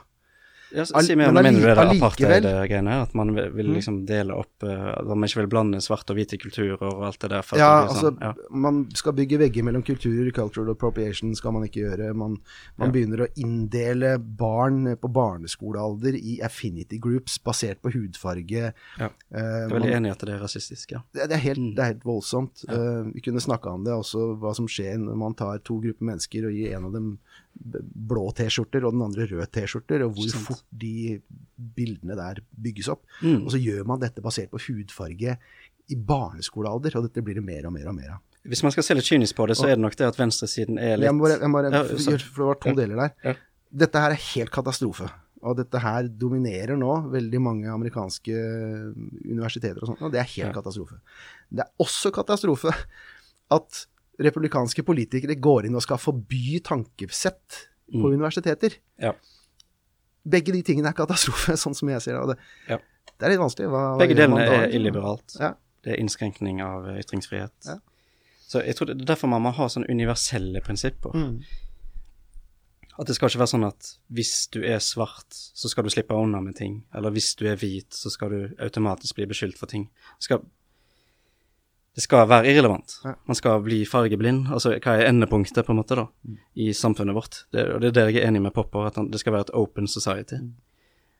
Der uh, lovverk er universelt. Alle er like under loven, på en måte. Det, det, det er kanskje litt sånn åpenbart det jeg sier nå, men, men, men jeg får av og til inntrykk av at man må minne seg sjøl på de tingene her, da. Det var åpenbart. Ja. Opptil for noen få år siden. Sant. Men eh, det jeg skulle sies da med, med kynis, det kyniske perspektivet på venstresiden, er at de kan nok av og til ha en interesse av, ironisk nok, da, av å opprettholde liksom gamle, kjedelige rasestereotypier. Nettopp fordi at rasisme og beskyttelse av minoriteter er en av kjernesakene til venstresiden. Med god grunn. Det har vært eh, viktig historisk, og er fortsatt veldig viktig. Men hvis du da lever i et moderne, liberalt demokrati der rasisme faktisk er sjeldent, sånn som det er i de fleste vestlige land Hvis man skal se empirisk på det, og du spør hva folks holdninger er, så er det veldig lite sammenlignet med Midtøsten og Asia, f.eks. Så det, det at man kan løfte opp det perspektivet, og kanskje overdrive altså det, det er ikke så farlig om man overdriver det litt, på en måte, da, sett fra deres perspektiv, for det er jo en politisk sak for dem. Og, og det gjelder jo all politikk, det er jo ikke bare for venstresida. Men, men det er i hvert fall en måte å prøve å forstå det på. Hvor, hvorfor holder de på sånn som dette her, med det? ting som åpenbart er rasistisk, til og med. Ok, så du sier at svart kultur ikke kan blande seg med de hvite. Mennesker har jo blanda kulturer alltid.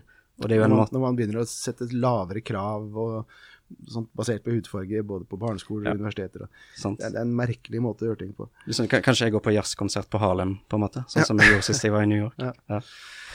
Ja, nei, så En annen grunn til at jeg spurte om det der, eh, er at jeg er helt i slutten av en, fant, altså det er en fantastisk podkast som heter Revolutions. Okay. Eh, og jeg har studert folkebevegelser. Eh, holdt på med det hele tida, mye opp på Blindern egentlig. Mm. Og klarte å flette folkebevegelser inn i både master og bachelor og det som var. Utrolig fascinerende emne. Eh, og nå er jeg i, i, i sluttfasen av den franske revolusjonen Mm. på denne podkasten her. Ja, okay. Og det er ingenting der som står tilbake for ting som foregår til høyre. Og derfor jeg spurte, fordi vi har så fokus på den autoritære saken der på høyresiden. Mm. Men eh, sånn som den revolusjonen, f.eks., Mm. viser akkurat de samme karaktertrekkene som du sitter og snakker om her nå, når man hører om de Ja. forskjellige menneskene, hvordan de oppførte seg. Mm. Um, og, og, og, og hvordan man hvordan man endrer posisjon i det politiske landskapet selv om man ikke endrer en eneste mening, det syns jeg er veldig fascinerende. Ja. Det var noen som spurte han fyren som holder den podkasten, som jeg igjen må bare anbefale på det varmeste. Hvis du, plukke, hvis du skulle plukke noen fra disse revolusjonene du har studert, som du skulle sette deg ved et bord og ha middag med, hvem ville det være? Og da plukka han tre stykker som hadde den situasjonen. De var frontfigurer i revolusjonen når den begynte, Mm. og så blei de liksom eh, moderate etter hvert. Og til slutt så blei de forrædere for revolusjonen, og flere av dem fikk halsen hugd av.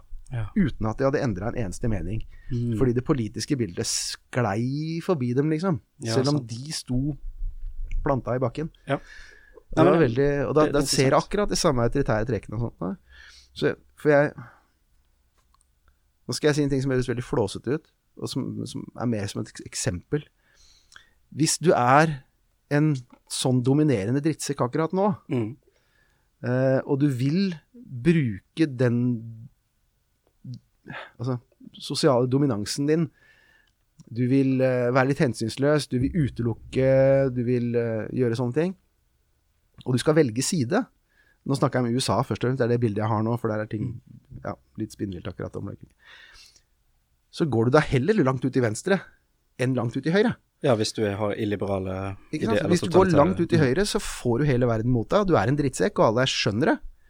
Du kan gå ganske langt ut til venstre nå, Ja. og fremdeles være et bra menneske, men Mm. oppføre deg som en drittsekk Ja. i USA. Og få priser og statsstøtte og hva som er. Mm. Men vise akkurat de samme karaktertrekkene. For dere skriver om eh, høyre, mm, høyreautoritære her, at de vil begrense ytringsflaten, f.eks. Mm. Eh, ser masse av det langt ut i venstre nå, Ja. men det ble bare Ja, sett på på to veldig forskjellige måter. Ja, men, men for, for, meg er dette her en krise. Jeg er, jeg er sentrum-venstre sjøl, Ja. og for meg er dette en krise for sentrum-venstre. Mm. For alle forstår Alle forstår at islamistisk terror skader islams omdømme. Ja. Alle forstår at høyreradikal terror skader høyresidens område, øh, omdømme. Sentrum-venstre ser ikke ut til å forstå at det samme gjelder for dem, liksom. Når det gjelder disse, disse folka som holder på å herje der ute på woke-siden akkurat nå. Ja, nei, det, det kan nok være litt sånn at så, så lenge du, du føler du er på den riktige siden av historien, med at du er antirasist og for homofiles rettigheter, så, så er du righteous. Du er liksom på the righteous path, på et vis. Og det, det er jo det som ofte skjer òg i, i revolusjoner historisk sett, at man føler virkelig oppriktig at man er on the righteous path. Mm. Så det kan hende at akkurat i den Og det sightcasten gjelder vi er både i nå høyre- og venstrevidde revolusjoner. Ja, det er nemlig det. Det er helt universelt. Så det kan hende at den sightcasten vi er i nå, akkurat nå, i, i USA da kanskje spesielt, så er den liksom favoriserer venstresiden på et vis, at der kommer du unna med mer. Det kan godt tenkes. Og så har det nok vært helt motsatt med denne McCarthyism og alt det her med antikommunismen som var i USA på 50-60-tallet. Så var det nok helt omvendt, tror jeg. Så er det at voldsbruken er en litt annen. Ja, Voldsbruken er en annen. Voldspotensialet er en annen. absolutt. Det er, det er to ytterkanter, men de fungerer veldig forskjellig, og skadevirkningene er veldig forskjellige. Ja. Men en ting med, med konservativ... vanskelig, vanskelig å sammenligne liksom, effektene. Ikke sant? Men en, en måte å se på dette her med ulik politisk klima på En ting jeg lærte av han der eh, britiske konservative filosofen, han Roger Scruton, der han snakker om at konservative vil conserve ting. Og derfor, nettopp derfor er det så kulturrelativt. Så hvis du er en konservativ i Midtøsten, så vil du conserve andre ting enn hvis du er en konservativ i Nederland, f.eks. eksempel. Så det syns jeg var en veldig sånn fin måte å se den relativismen på. At selv en politisk ideologi som konservatisme, da, i dette eksempelet, er ikke noe statisk og likt hele tida. Det kan ha noen prinsipper som er ganske likt historisk, men det vil jo endre seg voldsomt ut ifra hva kontekst du er i. Selv, selv konserv konservatismen som man tenker på som en sånn Du vil bare bevare det som er, og det er statisk, men, så, men sånn er det jo ikke. Eh, Jeg hørte han ble bedt om å oppsummere konservatismen i ett ord. mm, Da sa han 'hesitate'. ja, det er fint. Ja, det er fint. Måte å beskrive det på. Mm. Bremsing av eh, Jeg har blitt Altså, jeg Nå er jeg straks 50. Eh, selv om jeg ikke ser sånn ut, selvfølgelig. Eh, men, um, og jeg, ble, jeg har blitt mer konservativ, jeg, som folk Mm. blir opp, opp igjennom. Det har jeg. Mm. Er en eller annen engelsk fyr som regna ut dette her. At du blir 0,4% mer konservativ per leveår, eller et eller annet. Ja, okay, såpass, ja. ja. det var, jeg, jeg så altså helt kredibelt, jeg så hvordan han hadde regna det ut, og det var helt kredibelt. Mm. Um, og helt naturlig, antagelig. Jeg, får- jeg får mer og mer sans, eller mer og mer forståelse for den der. Ja. Rolig nå. Ja. Mm. Mm. En eller annen som sa også at Jeg tror det var eh, tilbake til internasjonal real- realismeteori. eh, om det var Morgenthau eller eh, Nei, E.H. Carr var det. Sa konservative har forstått og tatt inn over seg menneskehetens bunnløse evne til dumskap. Ja, sant. Mm. Og at, at, at, du, at du fikser ikke den dumskapen så veldig lett, da. Ja. Så, så da går det tilbake til på en måte oppgaven, oppgaven din. Du, du, du fikser ikke ting så veldig lett. Ting Nei. er litt mer som de er enn man kanskje skulle ønske. Sant? Og I hvert fall hvis du har en del institusjoner som ikke trenger så mye fiksing, eller ting som er verdt å conserve. da. Og det er jo ikke noe tvil om at man har det nå i den liberale Vesten. Men rettsstat og voldsmonopolet, eh, lovverk som er likt for alle, osv. Mye man kan ramse opp. Det er jo ikke så populært å si det heller, liksom. Men, men det er jo helt sant at man har oppnådd noe unikt siden den vitenskapelige revolusjonen i Vesten, både Absolutt. politisk og kunnskapsmessig, som er verdt å conserve. Og jeg må innrømme det sjøl at jeg var, jeg var medlem av eh, Du sa du ikke likte ungdomspartier eh, tidligere, som jeg kan være enig med deg om, men eh, av Sosialistisk Ungdom i min ungdom. Men jeg har spesielt, faktisk, når jeg har lest meg mye mer opp på politisk filosofi gjennom doktorgraden min, så har jeg beveget meg mer i motsatt retning. Ikke at jeg nødvendigvis er konservativ, eller det er jeg ikke, men uh, hvis jeg skal sette meg selv i en camp, så er jeg vel kanskje mer sosialliberalist eller noe sånt nå. Men eh, det endrer seg hele tida, egentlig, da. Rundt. som kanskje er en, en god ting. Men det er, det er virkelig en del perspektiver, spesielt fra konservativ filosofi, som er helt sånn Helt neglisjert i akademia. Jeg har liksom aldri hørt om det engang gjennom hele mitt studie. Nå har jeg studert psykologi, da, jeg har ikke studert politikk, men du, du vet sikkert mer om det enn meg. Er det sånn at man underviser man noe særlig i konservativ filosofi? F.eks. Roger Scruton eller noen andre? Scruton har jeg aldri hørt noe om på Nei. Blindern før. Eh, Nei, ikke men, men nå er det jo USA som har vært mitt fokus der også, da. Det er det Ja. jeg har hatt mest med å gjøre. Eh, ja, altså, man kommer innom alle de forskjellige tenkemåtene opp igjennom, men det er Ja. ikke noe tvil hvor hovedvekten ligger. Og, og det er ikke noe særlig tvil eh, hva som foretrekkes. Nei, sant? Um, og sjøl har jeg liksom alltid sagt at jeg er der på kartet. Jeg, jeg vet det er noen, noen, noen eh, forelesere, noen professorer, som prøver å tvile på, på, på å gi det inntrykk av at de er helt, uh, helt nøytrale. Mm. Uh, men det skinner jo gjennom etter hvert. ikke sant? Så liker jeg å bare si sånn er jeg, og dette er det jeg mener. Ja, det, det, det jeg tenker jo, det er derfor jeg nettopp delte den informasjonen med deg. For jeg, jeg, jeg har hørt noen eh, som sier Ja, jeg er apolitisk, jeg. ja, Men, men det er litt sånn Hva er det, egentlig? ja, Ja. Det er like greit å vite. Fordi Hvis man sier ja, jeg bryr meg ikke, så er jo det jo et politisk perspektiv. Da er man en slags politisk nihilist. Får, jeg får så vidt. Ja. Nei, altså, hvor, hvor var vi var hen nå? Um, Nei, vi var mange steder med konservativ filosofi og Ja, riktig. Nei, for jeg har sett, jeg har sett flere som har som det, der, som, det har skjedd litt med meg.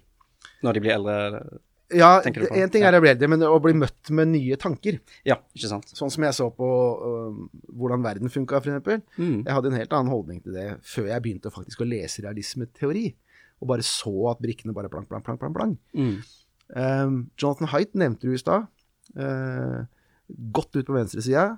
Uh, og alltid vært det. Han har vært i den akademiske bobla, og så begynte han å sette seg inn i konservativ tankegang. Mm, stemmer det. Og fått mye mer sympati for det, selv om han ikke selv om han funderer seg på venstresida. Ja. Uh, jeg, jeg hørte nettopp uh, uh, en lang prat med Norman Finkelstein, som er en litt sær figur, som ikke kanskje så veldig mange veit om. Men da, Nei, da snakker vi venstreside, da, Okay, i ja. USA. Han har gått gjennom akkurat det samme nå, i ganske Ja. høy alder. Um, så jeg ser det der hele tida. eh, Så, så det er den driften mot å være litt mer konservativ. Jeg sier ikke at Mm. man endrer personlighet eller bilde fullstendig, men man siger i konservativ retning når man blir eldre. Ja. Du kommer til å merke den ganske godt, antageligvis om få måneder, når du får ditt første barn. Ja, ikke sant. For verden er din oyster, Ja. som du bare kan benytte deg av. Og du kan ta risikoer, og du kan flagre rundt som backpacker, og du kan gjøre akkurat hva du vil, liksom. Ja. Plutselig er verden også noe du må beskytte noen mot. Ja.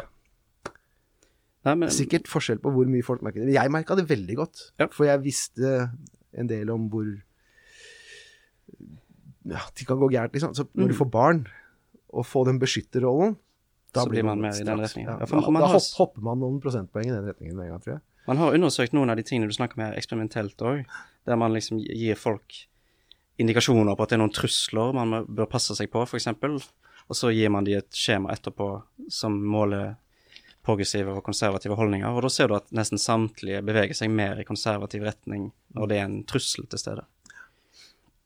Og det, og det er jo kanskje sånn for barn òg, at det er, en, det er noe som du er så uendelig eh, glad i at det blir en trussel at du kan miste det. Ja. Og derfor beveger deg mer mot det der conserve-perspektivet. da. La oss conserve politiet, ikke defende de, eller hva det skulle være. At man blir mer opptatt av sikkerhet og trygghet. Ja. Så, men eh, men en hvis jeg snakker med deg neste gang, og jeg har beveget meg langt ut på høyre side, så får du korrigere meg og kritisere meg, da. Siden det er jo det som er nøkkel eh, Det, det som er det viktigste etisk sett. Å ivareta kritikken og, og kunne ta imot kritikk, liksom. Og det tror jeg er lett å glemme når man har låst seg fast i et politisk perspektiv. Ja. Eh, foolish consistency is the hobgoblin of little minds. Sant? Var det han sa? Var det Emerson? Ja, det var Emerson. Ok, ja, det, jeg likte det. Mm.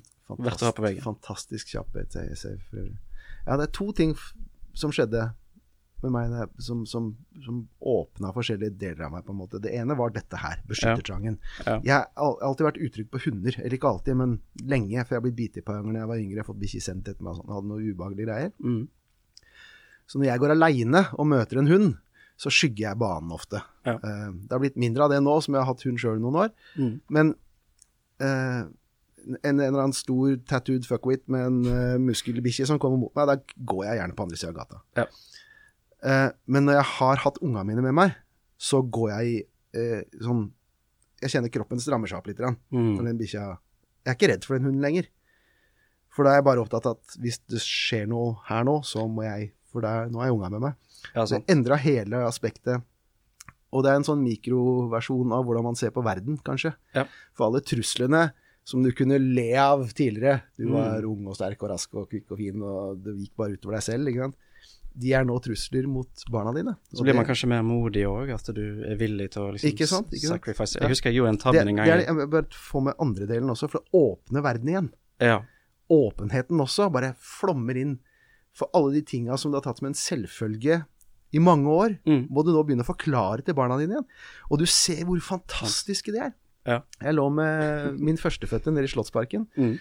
eh, når han var bare fem-seks måneder. Han, lå han på ryggen og så opp i løse lufta, og så så jeg at det var et eller annet som begeistra noe voldsomt. Hele kroppen sånn Hva er dette for noe, tenkte jeg. Så jeg la meg ved siden av han og så. Og han ser jo bare opp i løvtrærne i Slottsparken. Mm. Og plutselig ser du igjen hvor grenseløst fantastiske disse trærne faktisk er. ikke sant? Det er helt rått. Åh, ja, det er flott det du Men du har sett altså. dem så mange ganger før at du, du, du, det er sånn kjentmannssyndrom, liksom. Mm. Plutselig står det treet der igjen i en sånn voldsom prakt. Fordi jeg så begeistringen til han der lille nøstet som lå ved. Barn kan gjøre en mer mindful Absolutt. Ja. Og han- Du selger det veldig godt nå. Hmm? Du selger det veldig godt, gitt at jeg skal bli faren. at Jeg setter pris på det. Det er, det er mange som Hvordan, gjør det hvordan funker en brennmanet? Jeg husker jeg måtte forklare sønnen min hvordan en brennmanet faktisk funker, med tentaklene og luftboblene og spydspissene som skytes ut av vakuumer og alt mulig. Mm. Og det er helt sinnssykt. Og alt sånt blir sinnssykt igjen når du får barn, hvis du, hvis du engasjerer deg der, da. Ikke sant. Så det er en positiv greie. Ja. Nei, men jeg, jeg gleder meg veldig, altså. Eh, og jeg prøver å ha det der gardening-perspektivet. Hva Er det den lyden her ute fra? Ja. Det hørtes så rart ut i nye Mm. Ja, unnskyld. Prøve å ha det der Gardner-perspektivet. at uh, det gjelder liksom å bare gi barnet masse oppmerksomhet og kjærlighet, men ikke prøve å styre det i en retning eller den andre. Og det, jeg har forresten begynt å tenke på meg sjøl litt annerledes òg, i, i lys av det her. At man er et individ som på en måte blomstrer ut innenfra. At man ikke blir styrt av eksterne faktorer i så stor grad som man tror. Fordi jeg legger merke til at jeg ofte observerer mine egne preferanser. Observerer mine egne interesser. Så selv om jeg kanskje har lyst til å bli god i en ny skill, f.eks., så merker jeg av og til ok, dette likte jeg. Dette var veldig lett å bli god i, for det, dette passer meg. Og så er det andre skills som jeg har skikkelig lyst til å lære meg. Men så bare ah, Jeg kjeder meg litt, og jeg må bruke masse selvkontroll for å lære meg det fagfeltet her, f.eks. Mm. Så det, det er veldig rart hvordan selv om jeg kan ha en intens motivasjon for å bli en annen person enn jeg er, eller i hvert fall få en annen interesse, så noen ganger så funker det, det klikker, og andre ganger så bare klikker det ikke, uansett hvor mye jeg vil det. Så jeg tror det der individfokuset er faktisk nyttig å ha på sine egne barn. da. Mm. At man heller hjelper de å oppdage hvem de er. Finne ut av det sammen, på en måte. Mm. Eh, Jeg vet ikke om det er din erfaring med dine barn, at de, de oppdager hvem de er etter hvert, eller er det sånn at du kan liksom si ja, kanskje du burde spille på fotballaget, og så burde du jobbe mer med matteleksene, det er lurt. Jeg har vært for mye Carpenter. Ok, ja. Ikke noe problem å innrømme det. Uh, det har et par årsaker som jeg kan bruke som unnskyldning, kanskje. Uh, Eldste sønnen min har hatt Tourettes. Han har Tourettes. Mm. Og til tider har det vært helt jævlig, for å si det rett ut. Ja. Såpass ille at det er vanskelig å gå en rett linje, liksom. ja, skjønner. Um, og det er et problem som ingen egentlig har noen god løsning på. I hvert Nei. fall ikke en uh, amatørpappa. Med et enormt trang, kanskje litt mer enn folk flest, til å bare fikse problemer. Ja, sant. Mm. Eh, men du klarer ikke å fikse det problemet. Nei. Ja. Eh, så du, jeg blei litt panikkarta. Eh, en av årsakene var at jeg så dette problemet før alle andre rundt oss. Jeg, så jeg hadde en panikkperiode hvor jeg prøvde å overbevise folk om at her var et problem. Mm. Men ja, når jeg ser tilbake nå, så har jeg vært for mye Carpenter Ja. og for lite gartner på begge gutta mine. Ja. Men, men jeg Jeg har visst det sånn en stund, så jeg, å, jeg prøver å jobbe med det. Men Ja. det ligger også igjen, det ligger i personligheten din, hvordan du takler problemer og hvordan du angriper ting. Så Ja. det krever faen meg konsentrasjon, altså. Men, men i, den, i den boken som jeg nevnte til Alison Gopnik, så ser jeg jo at det, det å tro på den der Carpenter-ideologien, da, om man skal kalle det det, er jo grunnkjernen i til hvorfor man selger så enormt mange bøker i Ja. hele Vesten om hvordan man skal oppdra barn for at de skal bli sånn og sånn. Ja. Så, så jeg tror ikke du er den eneste der. Jeg tror det er mange som tror for mye Mm. på carpenting-strategien. Og det, det må være litt, litt sånn deilig ord å bare la det gå. Mm. Akseptere at eh, barn er individer, og Men- de er den de er. Men hvor tilhører den Carpenter Når vi snakker om politiske akser her, Mm. hvor tilhører egentlig den Carpenter-tankegangen? Det er i hvert fall mer vanlig på venstresiden å tro at man kan endre menneskenaturen. Ja. Eller at menneskenaturen er et resultat av korrupte institusjoner eller økonomiske situasjoner man er i. Så Vi har snakka om dette her Vi har om dette her før, vi. For vi var på, Ja. vi var på pilot pilotpod-episoden til Skravlekassen. Skravlekassen, ja, stemmer det. Jeg tror aldri de slapp han ut, så jeg Nei, vet ikke om de var, de var ikke fornøyd med oss. Ja, nei. Nei, det er det var liksom beste test. pod- Beste pod-episoden noensinne. Det er skam at den aldri kom ut og beriket verden med sin dypdype kunnskap. Ikke sant? Nei, men jeg husker det at vi snakka om det der. Men, men nå skal jeg være litt forsiktig Hvorfor det er sånn? Fordi det kan godt hende altså Det er jo ikke sånn at eh, konservative foreldre ikke er opptatt av at barna sine skal få et visst utfall av, av oppdragelse og sånt noe. Så akkurat der er jeg litt usikker. Men i hvert fall når det kommer til synet på menneskenatur, så er det klart et politisk skille der. Ja. At man er, kan endre mer på, på venstresida, og på høyresida så er man litt sånn eh, Eller en annen ting som jeg kan si, da, er at det kommer litt an på fenotypen. Det har du sikkert merka sjøl, at hvis du, hvis du snakker med folk på venstresida, så er de helt sikre på at eh, homoseksualitet er arbeid. Mens de er mindre sikre på det på høyresida. Mens intelligens, så snur det helt. Ja. Der er folk på høyresida, og jeg er ikke overraska over at intelligens er arbeid, for det er det jo. Men på venstresiden så er man litt sånn Det, det liker man ikke, på en måte. Nei. Fordi at man vil at det skal være like muligheter for alle, og hvis alle barn bare får god nok skolegang, så vil alle ha de samme mulighetene til å lære. Mm. Men, men sånn er det jo ikke. Det er en rettferdighet, det er en god rettferdighetstanke. Ja. Equality og opportunity-tanke som eh, jeg skulle ønske stemte.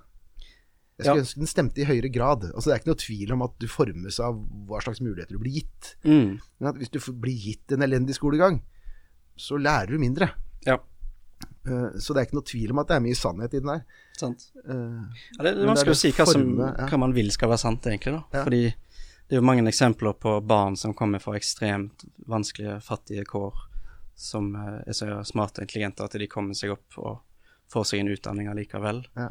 Så du har jo det perspektivet òg, at hvis, hvis alt ikke blir styrt helt deterministisk av miljøet, så i så fall ville jo hele tredje verden, så ville alle menneskene der ha det helt forferdelig og aldri kunne ha muligheten til å Ja. utrette noe som helst. Men sånn er det jo ikke. Ja. Individuelle forskjeller er mye mer stabile. Mm. Så det er på en måte Det spørs på, fra hvilken retning man ser det, på en måte. Mm. Fordi hvis man har det genetiske perspektivet, så er det sånn at ja, Det er jo litt tilfeldig hvilke gener man får fra mor og fra far. Sånn at man er en unik sammensetning av det. Mm. Og i tillegg så er det en sånn tilfeldighetskomponent i hvordan man, hva strekk man får. Mm.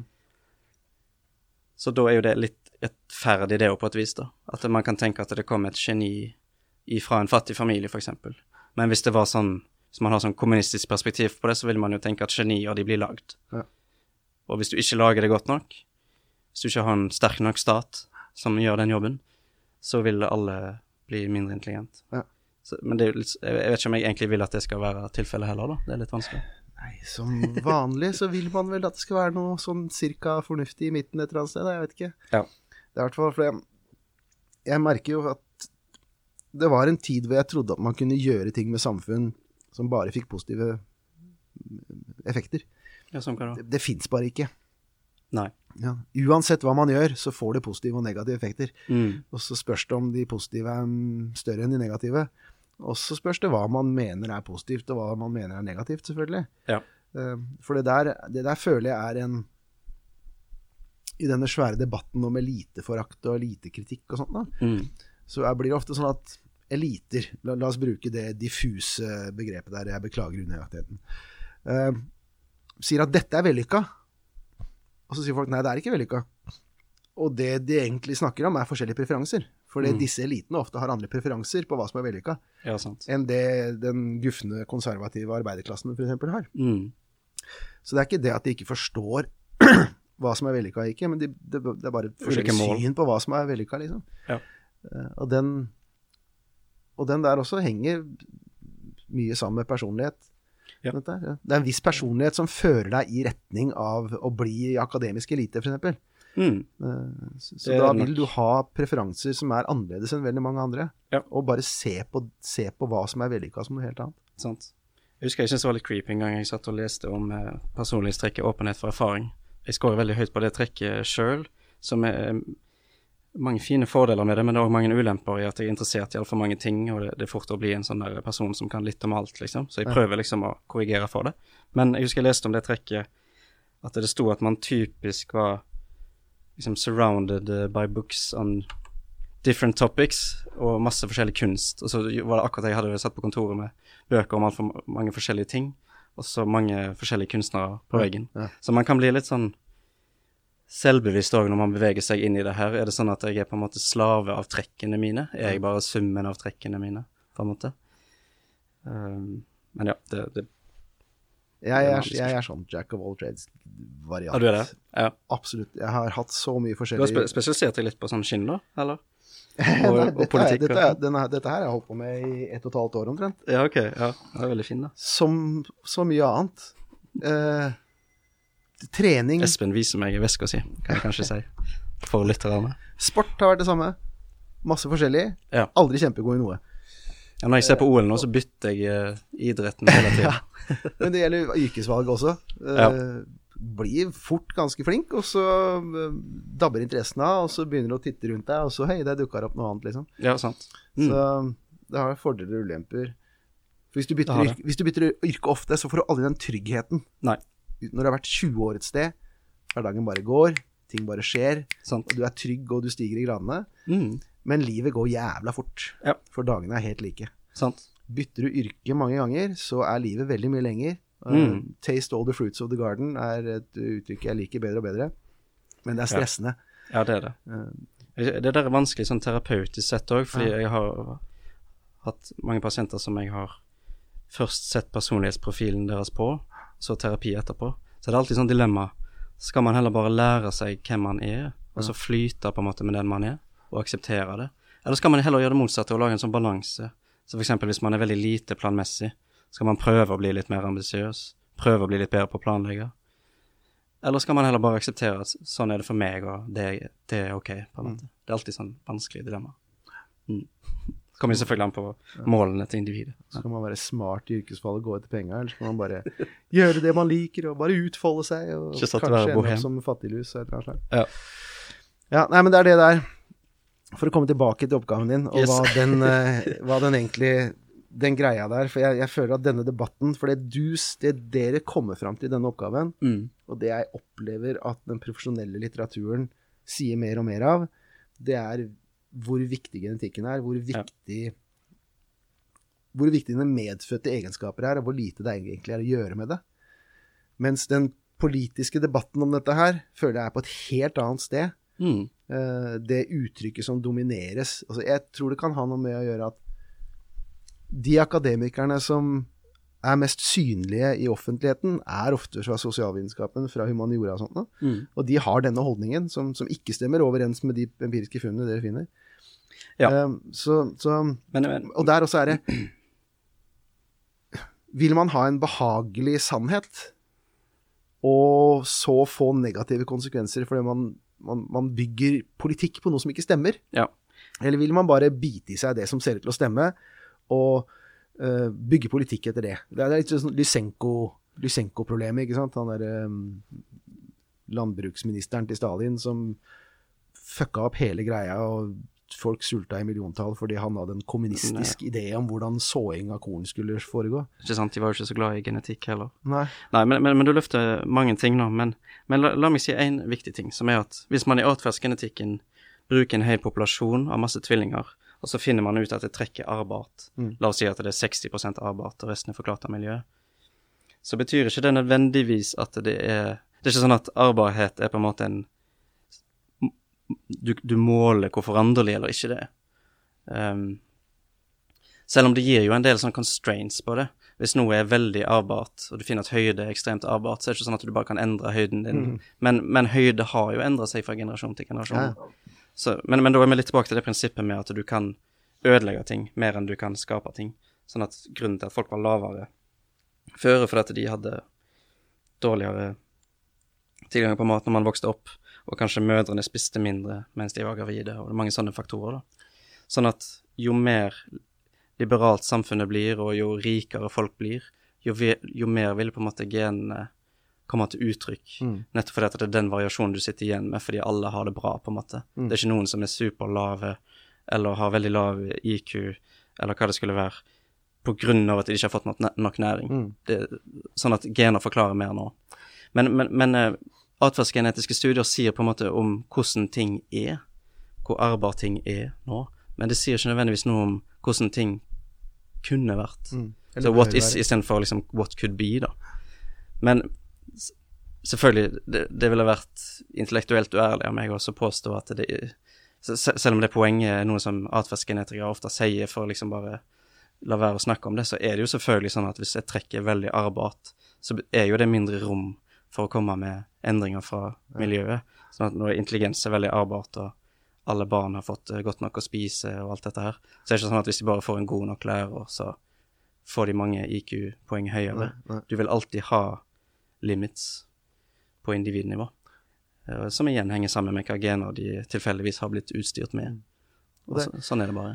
Det er en vakker tanke, liksom, at man skal kunne forme og lage, men jeg må tilbake til dette her med foreldre som i all tid har fått skylda for sine egne Mm. barn Ja. når det har gått gærent. Psykoanalysen har jo hatt mye med det å gjøre. For da forholder man seg til Man forholder seg til en usannhet, rett og slett. Ja. Og dømmer folk etter det. Ja. Og det er ikke, ikke bare kult, det heller. Nei, det er ikke det. Det var noen andre ting du nevnte der òg som jeg ville kommentere på. Men uh, Du kom på den når vi slår av stemmer det. Mm. Ja. Nei, men jeg føler at vi har um, er, det, er det mer du vil ha sagt her som du føler er uh, veldig viktig? Jeg syns vi har vært innom uh, mye av det viktige. Og det er, det er mange andre ting man kan si, f.eks. om den miljøkomponenten i atferdsgenetikk, hva den egentlig er for noe. Ja. Kan si litt om det, kanskje, Ja, hvis du vil, siden vi snakka mest om genetikk. Det er ofte av denne uh, ikke-delte varianten, som egentlig vil si alle de kreftene som gjør individer for, forskjellige fra hverandre. Vi snakker om at søsken ofte er forskjellige fra hverandre. Så da har det vært mange teorier. Hvorfor blir de forskjellige? Det er i hvert fall en miljøkomponent som er unikt for hvert barn. Det er ikke det de deler innad i familien. Mm. Så da er det mange psykologer som har tenkt seg at det f.eks. kan være den unike opplevelsen man har på skolen. Uh, han ene i tvillingparet, han ene broren, han hadde de vennene, liksom. Uh, kanskje de var litt sånne røffe og tøffe og småkriminelle, liksom, mens han andre tilfeldigvis fikk venner som bare likte å spille, spille dataspill eller noe sånt. Og derfor påvirka det hva ulike trekk de fikk. Men når man har forska på det, så har man prøvd å måle mange sånne ting. Mobbing på skolen, hva slags venner man har, eh, og dusinvis av ulike variabler. Og man klarer liksom ikke å forklare vekk den komponenten som gjør mennesker unike. Mm. Så jeg, jeg blir mer og mer overbevist jo mer jeg tenker på det her, jo mer jeg leser om det, at det er en genuin tilfeldighetskomponent Mm. som du bare ikke slipper unna.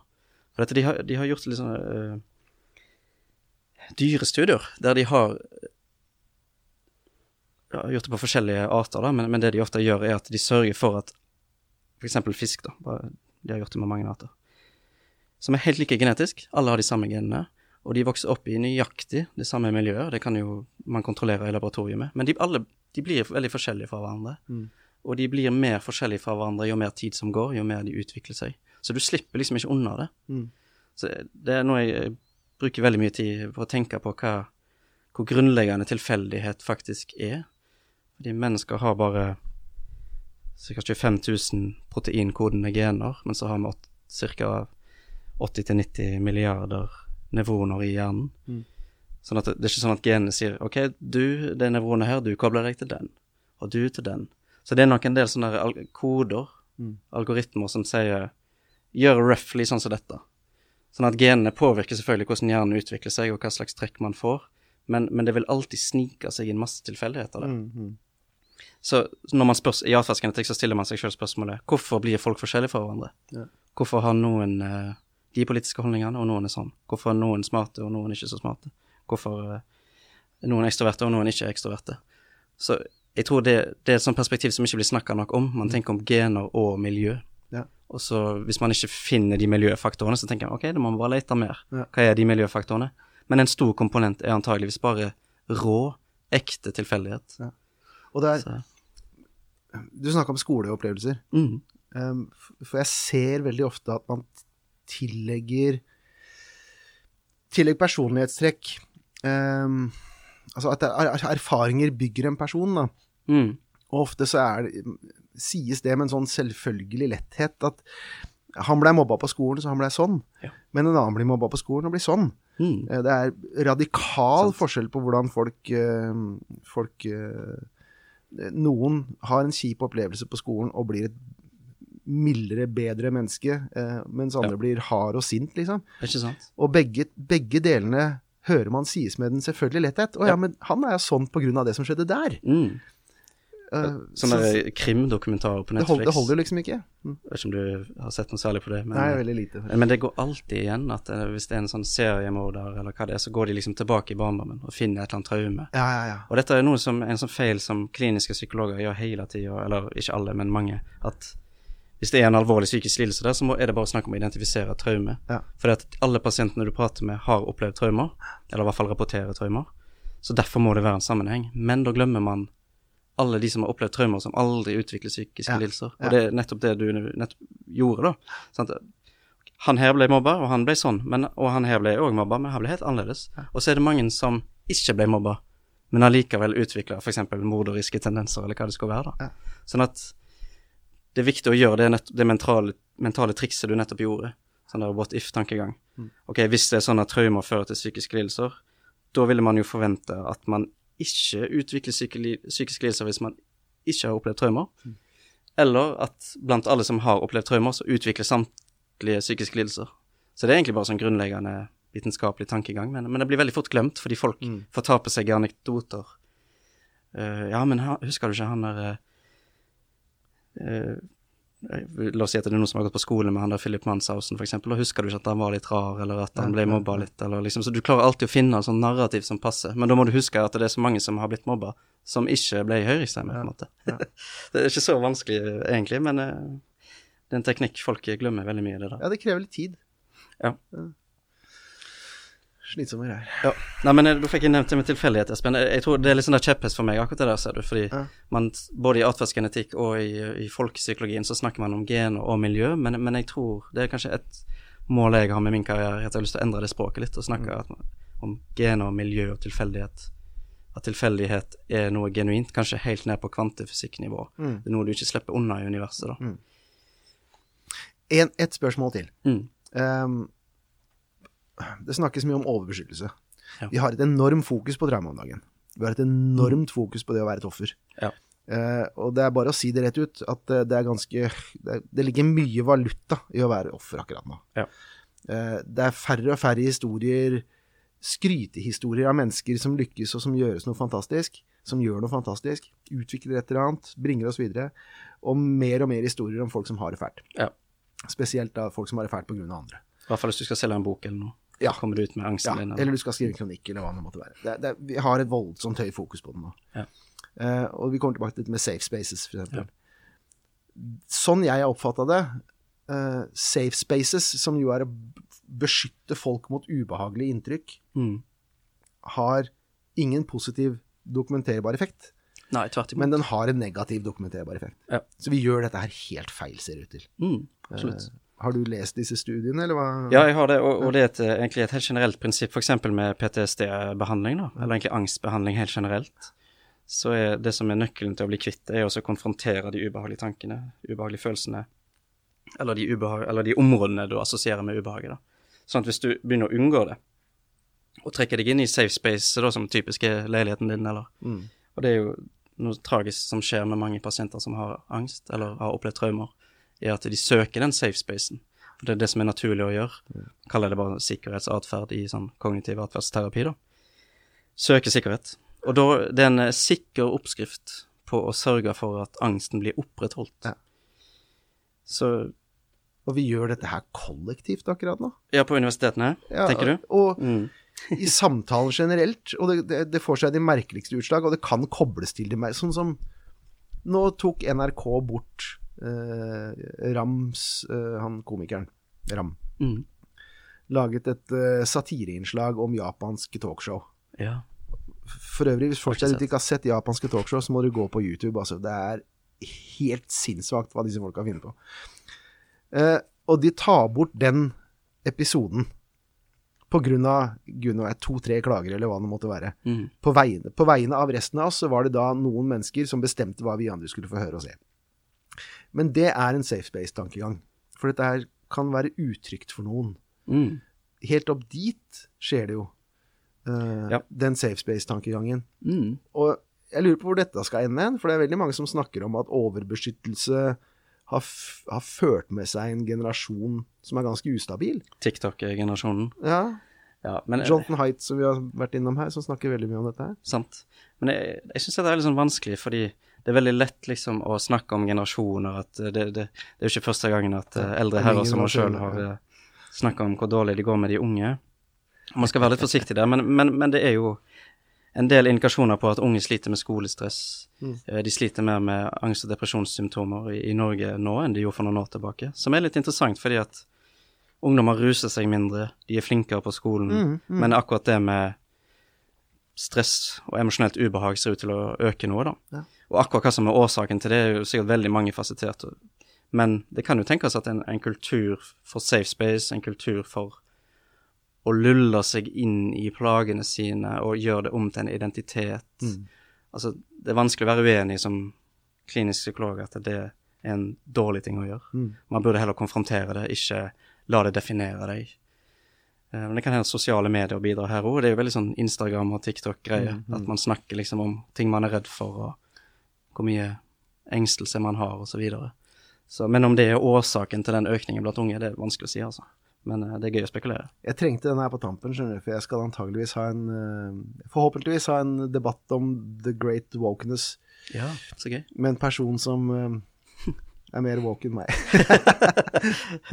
Så gøy. Jepp. Nei, men du, da Da føler jeg at vi har hatt god flyt, og så begynner det å butte litt. Jeg må begynne å tvinge fram spørsmål og sånt noe. Ikke sant? Det er et tegn på at vi burde gi oss. Ikke sant? Ja. Men uh, det har vært en veldig hyggelig samtale. Det har det. Jeg, Jeg jeg koser meg. ekstra glad for å ha han fordi at denne, den andre samtalen vi hadde, aldri blei noe av, på en måte. Ikke sant? Ja. Så når jeg så at du hadde skrevet akkurat denne doktorgraden, så ble jeg glad. Den, det er, for det er et veldig, veldig spennende tema. Jeg setter pris på stemmen du eh, har, Espen. Det, det er en viktig stemme, spesielt det med å kritisere wokeness, som ikke er så populært alltid. Så Takk. takk, for at du gjør det. Flottings.